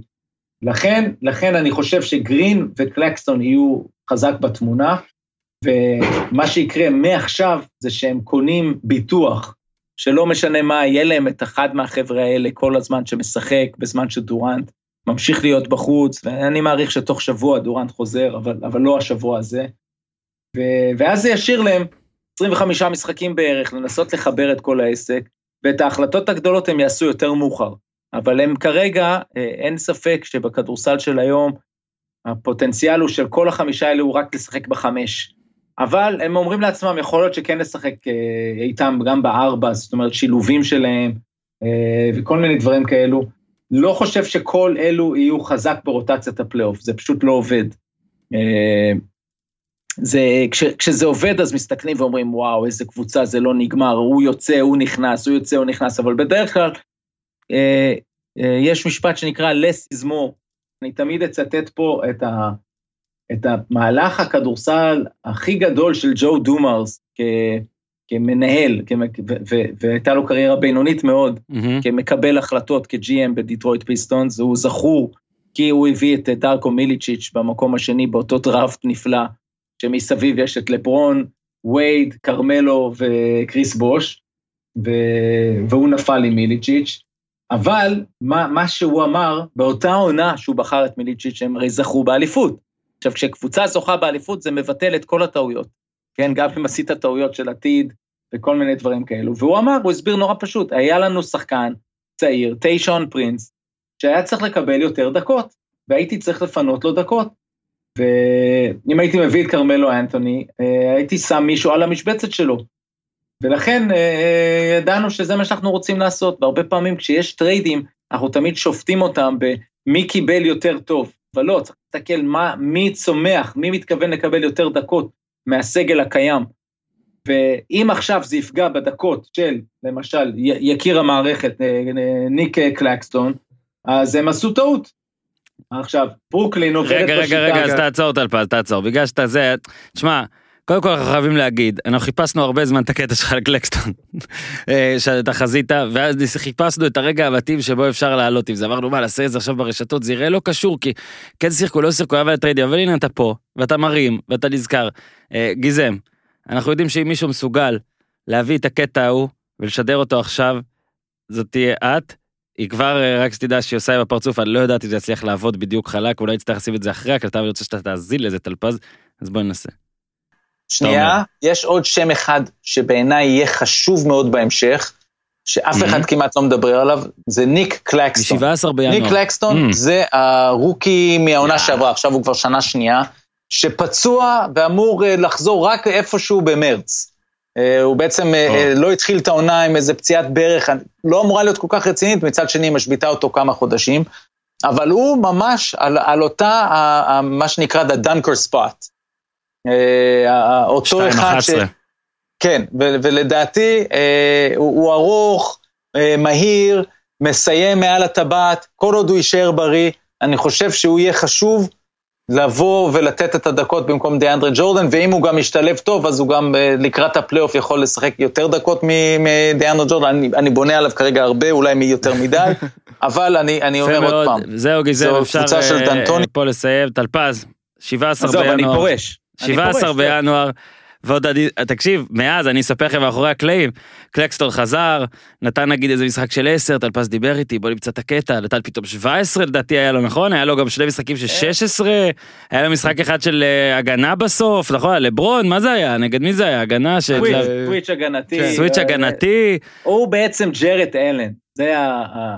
הוא, נכנס לת, לתפקיד הזה, עכשיו כשאתה חושב על הרדן שנמצא שם, אז הוא גם, לא רק ג'רד אלן, הוא גם קפלה, זאת אומרת כל פעם שיש ליד הרדן את הגבוה הזה שמגיע מאחורה ומקבל כדור לשמיים, מטביע אותו, ומתחיל לתת אימפקט. אז אה, אה, כן, אז קודם כל תודה, תודה שהצעתם את זה, ואני לא זוכר, באמת, זה, זה לתלות את הנעליים, כי לא, לא זוכר... תשמע, כאילו, היה פצוע, היה מחוץ. לרדאר. עכשיו, עכשיו תראה, הם מנסים עכשיו בארצות לצירפו... הברית לא דיברו עליו. לא, לא. שמע, הוא התקשר, עכשיו, אתה יודע, הביאו כמה חבר'ה כדי כאילו לגבור אותו, אולי לגבור את הטייק שלך, ואנחנו לא ניתן, ואנחנו נזכיר את זה לכולם, נדחוף את זה, כל אה, סל חשוב שלו בפלייאוף שיהיה. אז אה, אבל אנחנו לא יודעים מה יהיה עכשיו, לא, ויכול להיות אנחנו לא יודעים. שון מרקס, שהוא הוא בנה שם משהו באמת יפה ומהר בברוקלין, דרך ה... תיזכר שנייה, כן, בברוקלין, כן, קני אטקינסון, ספנסר דין ווידי, קאריס לבר, ג'רד אלן, כאילו כל הזמן דיברו על הפרויקט הנחמד הזה. כן, ו- בסוף צריך להיות רציניים. ופתאום, ופתאום באה האופציה לה- להחתים free agents, והם מחתימים באותו קיץ את, את קיירי ודורנט ביחד, כשדורנט פצוע ויודעים את זה, והיו אז לא מעט שאמרו, רגע, לא חבל, אבל יש להם פה קבוצה נחמדה, אה, ג'ו האריס לא אמרתי כמובן, יש פה קבוצה נחמדה בעלייה צעירה, ולא, הם ידעו שזאת רק ההתחלה, שברגע שיש להם את השניים האלה, ואת השם בכל זאת ברוקלין, וג'ו צאי, אחד הבעלים העשירים שיש בליגה, שקנה את שארית הקבוצה מפרוחורוב, כשיש להם את כל המעטפת הזו, זה יהיה מגנט. והנה המגנט הזה משך אליו את הרדן, ו- והם הצליחו באמת, אה, לת- הם, הם שילמו כאילו, לא כאילו, הם שילמו מחיר גבוה בשביל הרדן, יחסית, ומשם המגנט נמשך, וג'ף גרין, וכמה הוא מתאים לשיטה, ו- וכולי וכולי. אז uh, עכשיו השאלה אם הוא לא עשה too much. והעניין הוא שיכול להיות שכל החבר'ה האלה יבינו פתאום, דיאנדרי או בלייק או אולדריץ', פשוט לא יהיו ברוטציה, זה הכל יכול להיות, וזה יהיה מאוד מעניין לראות האם באמת יקריבו את קלקסטון בשביל החבר'ה האלה, אבל זה מה שנקרא צרות טובות, הרבה על אה, סטיב נאש, שיצטרך להתמודד עם כל ההחלטות האלו. אה, שמע, אבל זה קבוצת... באים אה, עם סגל סופר עמוק. זה לא גלקטיקוס, אה. זה כן. גלקטיקוס שהם גם המאמנים של הגלקטיקוס. גם המאמנים שלהם כאלה. מדהים. אבל זה שילוב, גם צעירים, או, או לא נגיד צעירים, אבל אמצע קריירה, דורנט, קיירי, הרדן. וגם אה, באמת סוף קריירה. לא, אבל ה core שלהם, זאת אומרת, זה חבר'ה שעדיין רוצים. עזוב שדורנט כבר זכה וקיירי כבר זכה. אה, הם רוצים, קיירי צריך להוכיח, דורנט מרגיש שהוא צריך להוכיח, והרדן בכלל. הרדן יותר מכולם. בדיוק. טוב, אז, אז דיברנו על זה. לייקרס דרמונד אה, דיברנו. אה, בוא נזכיר שהלייקרס פצועים מאוד, איכשהו ניצחו את אורלנדו, כי יש גם כדורסל. ו... לא, אז רגע, בוא, בוא נגיד שנייה על דרמונד משהו. אה, שהתמ"צ שלו היא אולי קצת אה, פחות ברורה מאליה. זאת אומרת, הוא באמת סנטר מהעולם הישן, הוא קצת ייתן להם אלמנטים שהם איבדו כשהם עשו החלטה לא להחתים אה, את ג'וויל מגי ודווייט האוורד, שנתנו להם הרבה מאוד בעונה שעברה. גם כן אותו dunker spot שדיברנו עליו, אה, וגם בעיקר את ההגנה מול היוקיצ'ים למיניהם. אמממ. ו... אבל, אבל דרמונד קודם כל בא גם בשביל לעשות את ההגנה הזאתי, אבל הוא פשוט, בכל הקבוצות שלו הוא היה שחקן דומיננטי שציפה ציפה לקבל הרבה כדורים. בוא נגיד ה analytics לא אוהבים את דרמונד, אחוזי קליעה שלו לא טובים מספיק, אה, ההחלה- הוא הולך לקו רע מאוד, זאת אומרת, אה, קבוצות בפלייאוף יש- ישמחו לשלוח אותו לקו, כל הקריירה, אני חושב שהוא באזור ה-50 ומשהו אחוז מהקו, אז פה יש יותר אה, אה, בעיה של התאמה, כי, כי האווארד וג'וול מגי עמדו בהתקפה איפה שאמרו להם, והם הסכימו בדקות שלהם לעשות את ה, באמת את העבודה האפורה, השחורה, של אה, להרביץ, ומדי פעם ליהנות מפירורים. ודרמונד יצטרך לעשות פה התאמות, אני בטוח שהיו לא מעט שיחות שם, אה, גם בטח לברון, גם אנתוני דייוויס, וזה לא יהיה סיפור פשוט אה, להתאים אותו לשם, מצד שני עדיין, בטח עכשיו, אם הוא, אם הוא מתחיל להיכנס עכשיו לעניינים, אז הוא עוזר להם בש, אפילו בשבועיים הקרובים, שהם מאוד צריכים אה, כל כוח אש. עוד העברות שהיו ועוד דברים שהיו בליגה היו והיו כמה דברים גדולים. אמ, ממה נתחיל? אנחנו יכולים להתחיל דנבר גורדון שיקגו. בואו נתחיל דנבר גו- גורדון, יאללה. בגלל שהיה להם משחק מרשים מאוד, אה, מהמם. המשחק הראשון של אירון גורדון. אה, ממש, אה, אתה לא יכול לבקש משחק יותר טוב, גם, גם שלו, אתה פתאום מסתכל עליהם ואתה אומר, אוקיי, אם זה ייגמר, אוקיי, בואו נלך רגע קצת רחוק, אם זה ייגמר נניח בדנבר מגיע לגמר, אז אנחנו הולכים, אה, ואתה יכול, טוב, זה מוקלט, אז אתם הכל מוקלט, לספור. כן, השאלה אם נמצא את זה. אנחנו הולכים לדבר על קבוצה מהכיפיות שראינו אי פעם מגיעה לגמר, כי היא קבוצה בצלמו של ניקולה יוקי, מהמם. ו- ואין כמוהו להכיל שחקן חדש כמו אירון גורדון. ומה שקרה במשחק אה, לפנות בוקר, הם שיחקו מול אה, אטלנטה, ונתנו להם בראש, אה, אזור ה-30 הפרש, כן. והיו שם שבעה שחקנים שזרקו בין אה, תשע זריקות נדמה לי ל-13 זריקות. זאת אומרת, אנחנו לא רואים את זה ב-NBA, יוקיץ' זרק רק 12, וג'מאל מרי 11, ואירון גורדון 9. גרין 12, שמייקל גרין פשוט היה מרי טוב. אז 11. זה יפה, בדיוק. זאת אומרת, אז האיזון הכי גדול, ויוקיץ' מוסר פעם לגורדון שחותך בקדור, ואחרי זה מוציא לו לשלשה, ומייקל פורטר ג'וניור, שכמובן בקפיצה גדולה בחודש וחצי האחרון, האחרונים. זאת אומרת, יש פה צ'אנס לקבוצה שעכשיו עם גורדון, גורדון זה, זה שומר טוב, כמובן אתלט על, שיכול לקלוע מבחוץ, בקריירה הוא 32 אחוז מהשלוש, אבל העונה הזו הוא יותר. אה, הם פתאום אה, אה, עמוסי כישרון, אבל הם עמוסי כישרון שנכנסים לקבוצה של יוקיץ', שזו קבוצה שבאה למסור. ו- ולשתף, ובכלל פה, ה- ה- נקרא לזה, ה- בוא נגיד, אוהבי הכדורסל האירופי, בול. שנמצאים בחלק הזה של היבשת, וגם פה בארץ וגם באירופה, בכלל ימותו על הקבוצה הזו, גם בגלל יוקיץ', גם בגלל קמפצו, יקיר הפרשנים, בגלל ה... שהוא באמת אה, מחפש לעשות את הפעולת כדורסל הנכונה ועם היכולת מסירות האלו שלו. אז אה, וגם יש שם פה- ג'וול, ג'וול חזר, לא? ג'וול שם. ג'וול חזר, לא שיחק במשחק כן. הבוקר, אבל, אבל הם השתמשו בו, שוב, לאותן דקות שהם רוצים איזה, בול בול עם סטפ בק מישהו- 3 היה שם. איזה, בול בול בא בסוף בגרבג' והיה מצוין כהרגלו כל פעם שהוא עולה. אז, אה, אז פשוט אה, זאת קבוצה שאם הדברים עכשיו יסתדרו וההגנה תשתפר והם יתחילו לנצח והרבה, אז זה, היא תהפוך ליקירת כולנו, פחות כן. או יותר. אגב, חמישייה, אף אחד לא כלה יותר מ-17 והם כלו 126. זה באמת כן, כן, לא, אנחנו לא רואים סקור את זה. יורוליג כזה. בדיוק, אין את זה ב-NBA. זאת אומרת, זה, זה יורוליג, אבל עם 126 נקודות. כן, אז, אה, בדיוק. זה שני משחקי יורוליג. פה גם נסכים שעשינו overreaction למשחק אחד, זה ברור. אה, נו, זה מעולה. מבורך. זה תמיד קורה, זה תמיד קורה, מגיע שחקן, הוא כולו אה, ב vibe טוב, אני מגיע לקבוצה גדולה, אין, אין, אין גבול לכישרון שלנו ולפוטנציאל, אבל הוא צודק, זאת אומרת, באמת, אה, אם הם יצליחו לשלב את זה עם הגנה, אה, שוב, בהנהגת יוקיץ' שנמצא בול במקום הנכון בקריירה, חווה כבר פלייאופים, חווה, ל- חווה הצלחות וכישלונות, אני חושב שזאת קבוצה לסמן אותה ולהתחיל להסתכל, מאוד משמעותי הסיפור של גורדון שם. אז בוא נעבור לשיקגו. מקבלת את אה, ווצ'ביץ' מאורלנדו.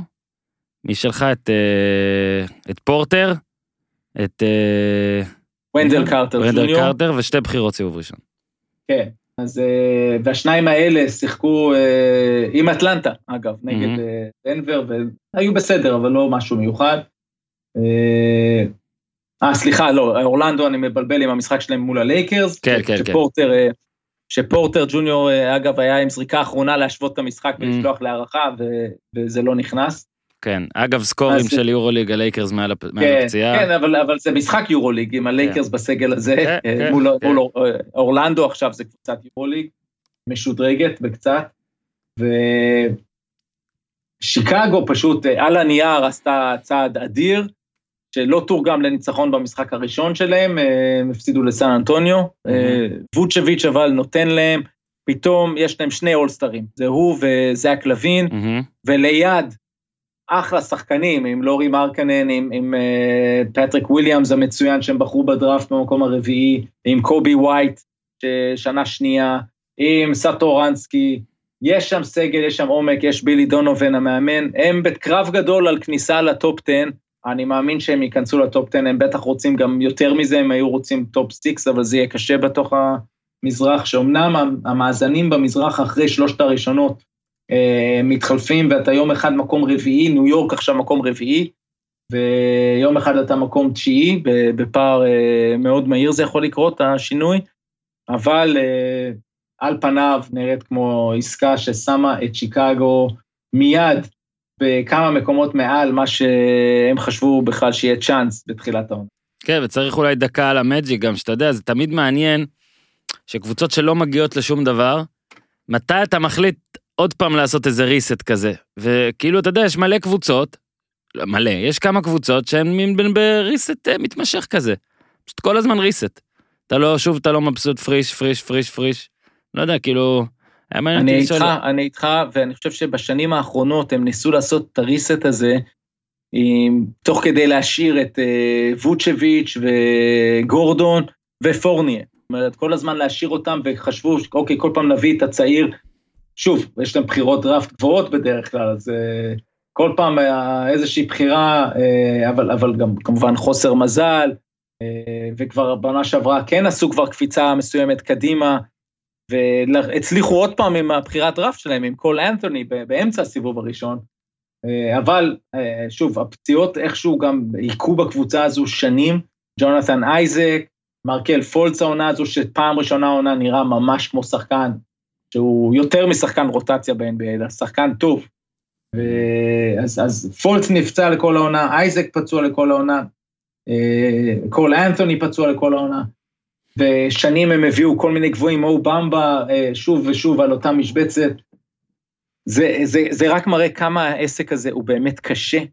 אה, קל לנו לשבת פה ולהעביר אה, ביקורות, אבל בוטום ליין, מכל הריסט הזה, הם עכשיו עשו את הריסט הכי גדול שיש, וויתרו על כל שלושת הנכסים האלו. פורניה, גורדון, ווצ'ביץ', ואומרים, הורסים הכל עוד פעם, מתחילים מחדש.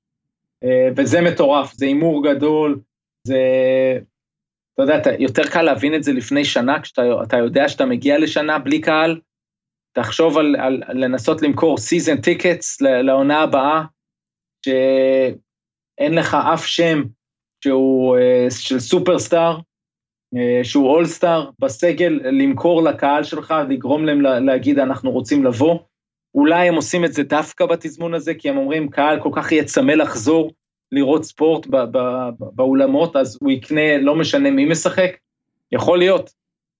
אבל זה, זה אתגר מאוד גדול, ובנייה שמתחילה מאפס, אה, אז שמע, לא, לא, לא פשוט מה שהם עברו שם, וימים יגידו אם הם, היו צריכים לוותר נגיד על ווצ'ביץ', אולי בכל זאת להשאיר אותו ולנסות להמשיך לבנות סביבו.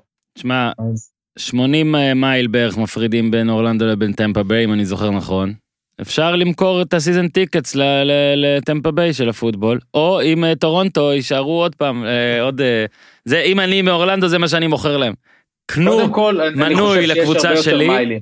קודם כל, אני חושב שיש יותר מיילים, אז אני, אני אשמח אם ת, תעשה בדיקה. אך, נו, כוס. אה, למה אתה אבל, חייב? אה, תן לי להעביר משהו.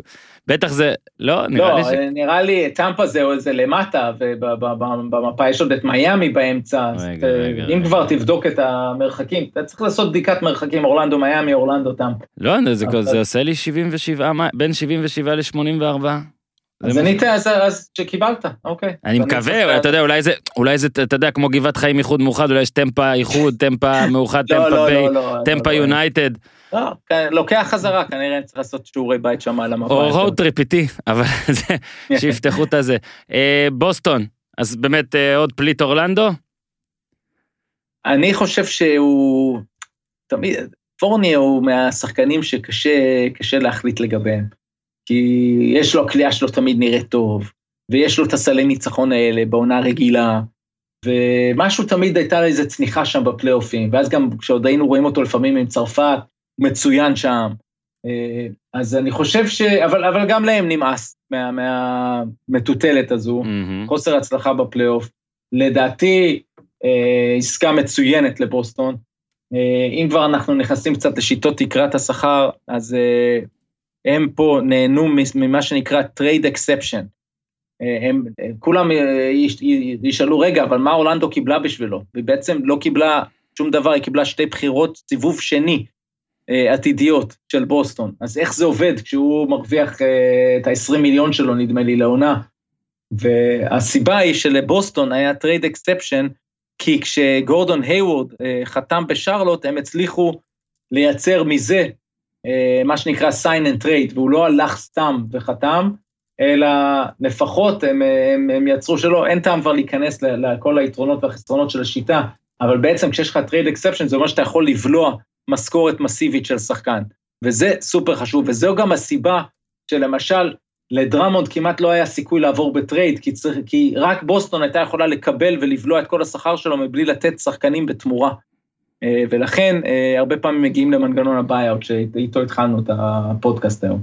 כן. אז, אה, אז בקיצור, בוסטון ויתרה על מעט מאוד, ומקבלת עוד שחקן שהוא גם יוצר, גם קלעי, כשחסר להם, חסר להם, בגלל שקמבה מאוד לא יציב העונה, אבל מראה אגב סימנים חיוביים בשבוע האחרון. אה, אז הם היו חייבים עוד שחקן שמסוגל לקלוע, גם חצי מרחק, גם יודע למסור, נכון, לא שומר גדול, אבל, אבל אה, לאו דווקא חור מסיבי בהגנה. אה, צ'אנס אה, חשוב מבחינתם להציל את העונה הזו, שלא הלכה למקומות טובים. קצת פחות ברור הסיפור של דניאל טייס, שהם ויתרו עליו בשביל להביא את מו וגנר. בסופו של דבר הם עשו את זה כדי לרדת מה, מהמיסים. אה, צריך להבין שברגע שאתה חורג מהמיסים, אז כל דולר שם מעל הוא מוכפל בפי שלוש בדרך כלל, אז זה שווה הרבה כסף, אבל סך הכל בוסטון עושה פה צעד מצוין.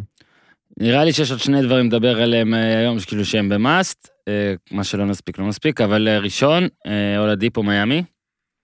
רגע, יש שאלה על זה. כן, יש שאלה על זה? כן. יאללה. מקבוצת הפייסבוק שנפתחה בהדסטארט, עמית, תן לנו בראש. תום בר שואל, האם אולדיפו השתלב טוב במיאמי עם ג'ימי באטלר, והאם ביאליצה יכול לתרום יותר מקלי אוליניק? אה, ביאליצה ואוליניק הם שני שחקנים נפלאים שהייתי רוצה לראות, וואי, קרב אחד על אחד עד המוות. אז אה, אני חושב שביאליצה הוא שחקן טוב, אני חושב שאוליניק היה שם אה, underrated. אוליניק קלעי שלוש מצוין, ידע את התפקיד שלו, גם ארבע, גם חמש. ביאליצה ייכנס למשבצת הזו, אני פשוט לא בטוח שהוא, אה, יש לו את השחרור המהיר שיש לאוליניק. קיצור, אני לא בטוח שהוא יתרום יותר מאוליניק, אבל אם הם מסתכלים על זה אחרת, ומה הם נתנו בשביל אולדיפו, את ברדלי שהיה פצוע, ואת אוליניק, וקיבלו את ביאליצה ואת אולדיפו, אז ברור שאתה עושה את זה, וגם אם אה, ביאליצה לא ייתן את מה שאוליניק נתן אחד לאחד, ייתן אבל דקות חכמות, ייתן אה, כן את השלשה פה ושם, אז אני חושב שביאליצה ייתן אה, את מה שהם רוצים. לגבי אולדיפו, הפעם הוא מגיע למקום שבו הוא גם רוצה להמשיך את הקריירה שלו. זאת אומרת, כל השנים היו... כל הזמן עליו- הוא אמר, כל הזמן שמיאמי, מיאמי, מיאמי, אז קדימה. זה הזמן להוכיח. Uh, הבעיה עם אולדיפו מאז הפציעה היא שאחוזי הקליעה שלו לא מספיק טובים, והייתה לו שנה אחת של ממש אולסטאר באינדיאנה, וחוץ מזה, זו הבעיה שלו. ועכשיו הוא נכנס לתוך רוטציית היוצרים שיש במיאמי, ואנחנו מכירים את הרוטציה הזו מקנדריק נאן לדרגיץ', לטיילר הירו. דנקן רובינסון הוא לא מהיוצרים, הוא מהמסיימים, מהמם. אבל אה, הם צריכים עוד יוצר שם כדי שהעומס לא ייפול רק על אה, ג'ימי באטלר, וכן הניסיון שלו לדיפו. זאת אומרת, יש פה ספולסטרה, האתגר שלו יהיה לשלב את כולם, אני רואה אותם משחקים עם ליינאפים אה, מאוד נמוכים, שישלבו שלושה מהחבר'ה שציינו הרגע, זה כן יאפשר להם לא להלחיץ את דרגיץ' מבחינת פציעות. יש להם אה, קרב על, על מאזנים, הם כרגע שם בתוך הקרב הזה, הם היו רגע אחד מקום ארבע, חושב שנדמה לי אם שוב מקום שמונה, אז דיברנו על זה, הכל שם צפוף, אז אה, אולדיפו אמור לתת להם עזרה. אה, הוא בא ליוסטון והוא היה, היה בסדר, אבל שוב, עם אחוזים לא מספיק טובים, אז הוא יצטרך לשפר את היעילות שלו בתקופה שלו במיאמי, אני כן רואה שהוא ישתלב טוב. ואם הוא ישתלב טוב, אז הם קבוצה מפחידה בפלייאוף. הוא יהיה בחמישייה או שהוא יבוא מהספסל נראה לך? אה, אני מנסה לחשוב פה, זו שאלה טובה. תראה, יש... דרגיץ' הרי בעונה שעברה בא מהספסל, ואז בפלייאוף שלפו אותו כן. לחמישייה וביטלו את אה, קנדריק נאן. אני מדבר על הפלייאוף, כי נשארו... אני חושב שבפלייאוף, אני מאמין שכשהוא יהיה בחמישייה. גם אני חושב. אתה מכיר את זה? אתה לא מביא את אולדיפו כדי... אבל לא, שמע, כן. הם- הם מאוד רחבים עכשיו, כמו שאמרת. כן. באטלר, אולדיפו, דרגיץ', איגודלה, אריזה שם, נכון? אני לא יודע, כן, ביאליצה, אדבאיו, בדיוק. הירו, ורובינזון, ונאן, וואו, וואו, יפה מאוד, יפה מאוד. בוא נראה למה זה יספיק. אה, אי אפשר לסיים בלי לדבר על רונדו, לא? בוא ניתן איזה... ד- בוא, בוא ניתן גם רונדו וגם מילה רגע על פורטלנד, אה, טורונטו, היה משחק אה, לפנות בוקר שבעצם הפגיש את את אה. נורמן פאוול מול, אה, מול, מול טורונטו, ו, וגרי טרנט ג'וניור ורודני הוד מול פורטלנד. אז מילה על, על שתי הקבוצות. אז, אז טורונטו בסוף לא עשו את עסקת קייל לאורי. זה היה הדבר מבחינתי שהיה Game Changer אם הוא היה קורה, וכל הסימנים אה, היו שזה הולך לקרות. ובסוף מסאי אוג'ירי אמר, אין פה עסקה שאני אה, מבסוט ממנה, אני לא עושה את זה, אני בטוח שהוא היה מתואם עם קייל לאורי. אה, הסיפור הוא למה לעשות את ה trade מבחינת טורונטו, כי הוא יהיה free agent בקיץ, והוא מחפש uh, קבוצה לאליפות, ואנחנו יודעים שטורונטו ירדה שתי דרגות מאז שקוואי לא שם, אז uh, סיכוי טוב שהוא ירצה לעזוב בקיץ, אבל פה חוזר עוד פעם הסיפור של and trade, זאת אומרת, אם יהיה and trade, אז הם אולי כן יצליחו להחתים את קייל לאורי ולשלוח אותו לאחת הקבוצות הקונטנדריות ולקבל דברים, נכסים כלשהם בתמורה. אז את ההחלטה הזו של אוג'ירי אנחנו נשפוט לפי המשך העונה של טורונטו, שכרגע במאזן לא טוב, 18-28, זה, זה, הם, הם, הם כרגע מחוץ לטופ 10 במזרח. עכשיו, כל הזמן אמרנו, הם ייכנסו, הם ייכנסו, כן. הם ייכנסו, והם חוו עכשיו מכת קורונה, אה, לא יודע, כבר לא בטוח שהם ייכנסו עם, עם החיזוק של, של שיקגו ו, וכל מיני קבוצות מסביב. אז אה, לגביהם, קודם כל, איך העונה הזו תסתיים, אם הם לא ייכנסו, אז, אז אה, זו החלטה אומללה של אה, אוג'ירי. אם הם ייכנסו ויעשו קצת רעש, אז אולי קצת פחות. וכמובן, זה יישפט אה, לגבי מה שהם, אה, איך הם יראו בעונה הבאה אחרי שלאורי לא ימשיך כן, שם. צריך לזכור שהם משחקים ב... ליד, אורלנד, ליד אורלנדו. אז, הם אה, עם זה לא. המנויים של אורלנדו זולגים לשם, אז זה... גם זה תירוץ, אה, ובוא נגיד מאפשר להם עונה אה, בעייתית. על אלאוות, רונדו, אני, אני, אגב, דיברת על כל מיני ביי-אוטים וזה, כאילו גם כשהוא חותם באטלנטה אתה די חושב שבסוף הוא כזה יפזול לאיזה... איפה נכון, שטבעות כן. מחולקות, כאילו, כאילו הוא באמת אומר, הרי, הרי מה אומרים עליו, גם האזנתי עכשיו לכמה פודקאסטים בעניינו.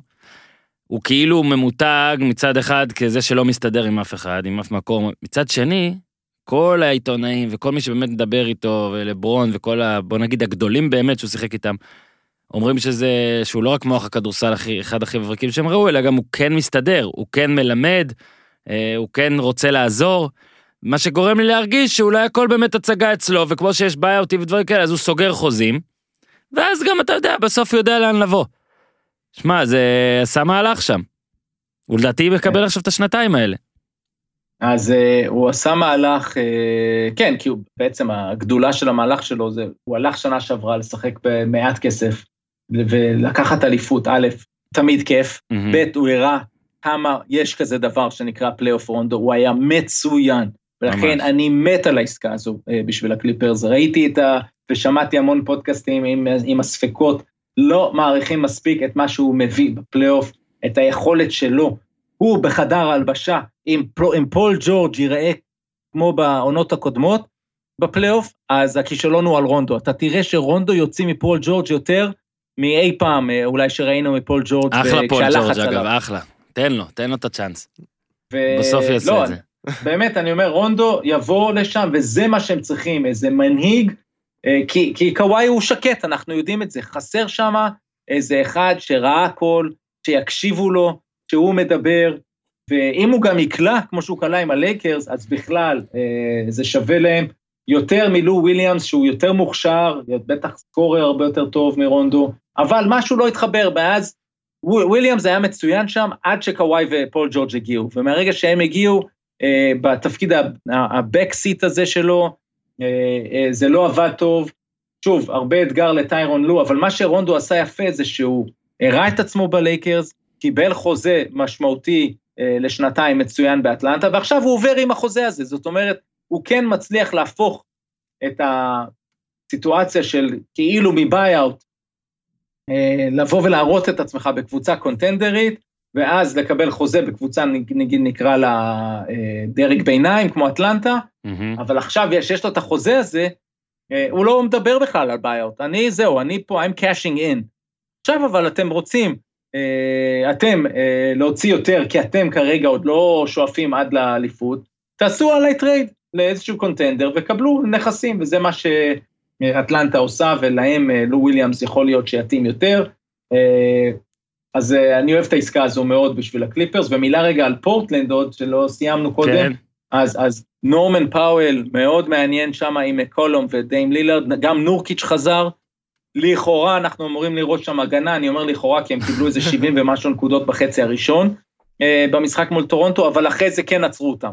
מהמם. אז אה, קבוצה, שוב, אה, אה, הם למעלה כרגע במערב, אנחנו כל שנה מדברים שהם הם מסוכנים, אבל איזו הגנה תהיה להם, אז זה, זה הנושא, איך נורקיץ' ישתלב, איך, אה, האם קובינגטון יכול להביא את יכולות ההגנה שלו לשם, האם נורמן פאוול אה, ישתלב, הוא, הוא לא זרק הרבה, אגב, שם אין אה, ניקולה יוקיץ' לקבל אה, אה, ולפרגן בזריקות, הוא זרק מעט מאוד במשחק הזה, פאוול, אבל אה, קבוצה אה, שעכשיו יש לה סגל עוד יותר עמוק, אפילו שהיא ויתרה על שניים תמורת פאוול, אבל עוד יותר עמוק ומוכן לפלייאוף, הייתי אומר. טוב, וג'יי ג'יי רדיק דאלאס, אז אה, חייב, חייב לציין את זה. שמע, מה, בקבוצה שמוציאה את ה-MVP, אולי לא השנה, אבל מתישהו, היא תוציא אותו, כן. ועוד אה, מתחזקת עם עוד... אה. רדיק חשוב, אם הוא יצליח לחזור קצת להראות את היכולות כן. שלו מפעם, להשתלב ברוטציה, אז ייכנס על משבצת סט קרי אה, מבחינתם, שהם ויתרו עליו, וקיבלו את ג'וש ריצ'רדסון, גם הם עכשיו צריכים אה, לחזור ולקבל את כולם, אה, דונצ'יץ' קצת פצוע, אז אה, צריכים לראות את כולם, אבל הם, הם בכיוון חיובי, כן. המאבריקס עכשיו. טוב, ירון, היה כיף. אז אחרי שמיפינו את כל השינויים והכל, בפרק הבא נחזור לדבר על משחקים וכדורסל ולקראת באמת מה שיקרה. תודה רבה ובריאות, החלמה מה-high ankle sprain שיש לך, ואנחנו מזכירים, רופ- שאני הבחנתי, כן? יכול כן. להיות שזה לא. רופאים שמאזינים לנו, במיוחד אה, אה, אורתופדים, אה, נא לבקש מטלפז בפרטי אה, תצלום ולתת את ההבחנה, ויאללה, הוא רוצה לחזור לרוץ. אז תודה רבה לטלפז. תודה, יום תודה. מצוין. ביי ירון. אז תודה לירון, ביי.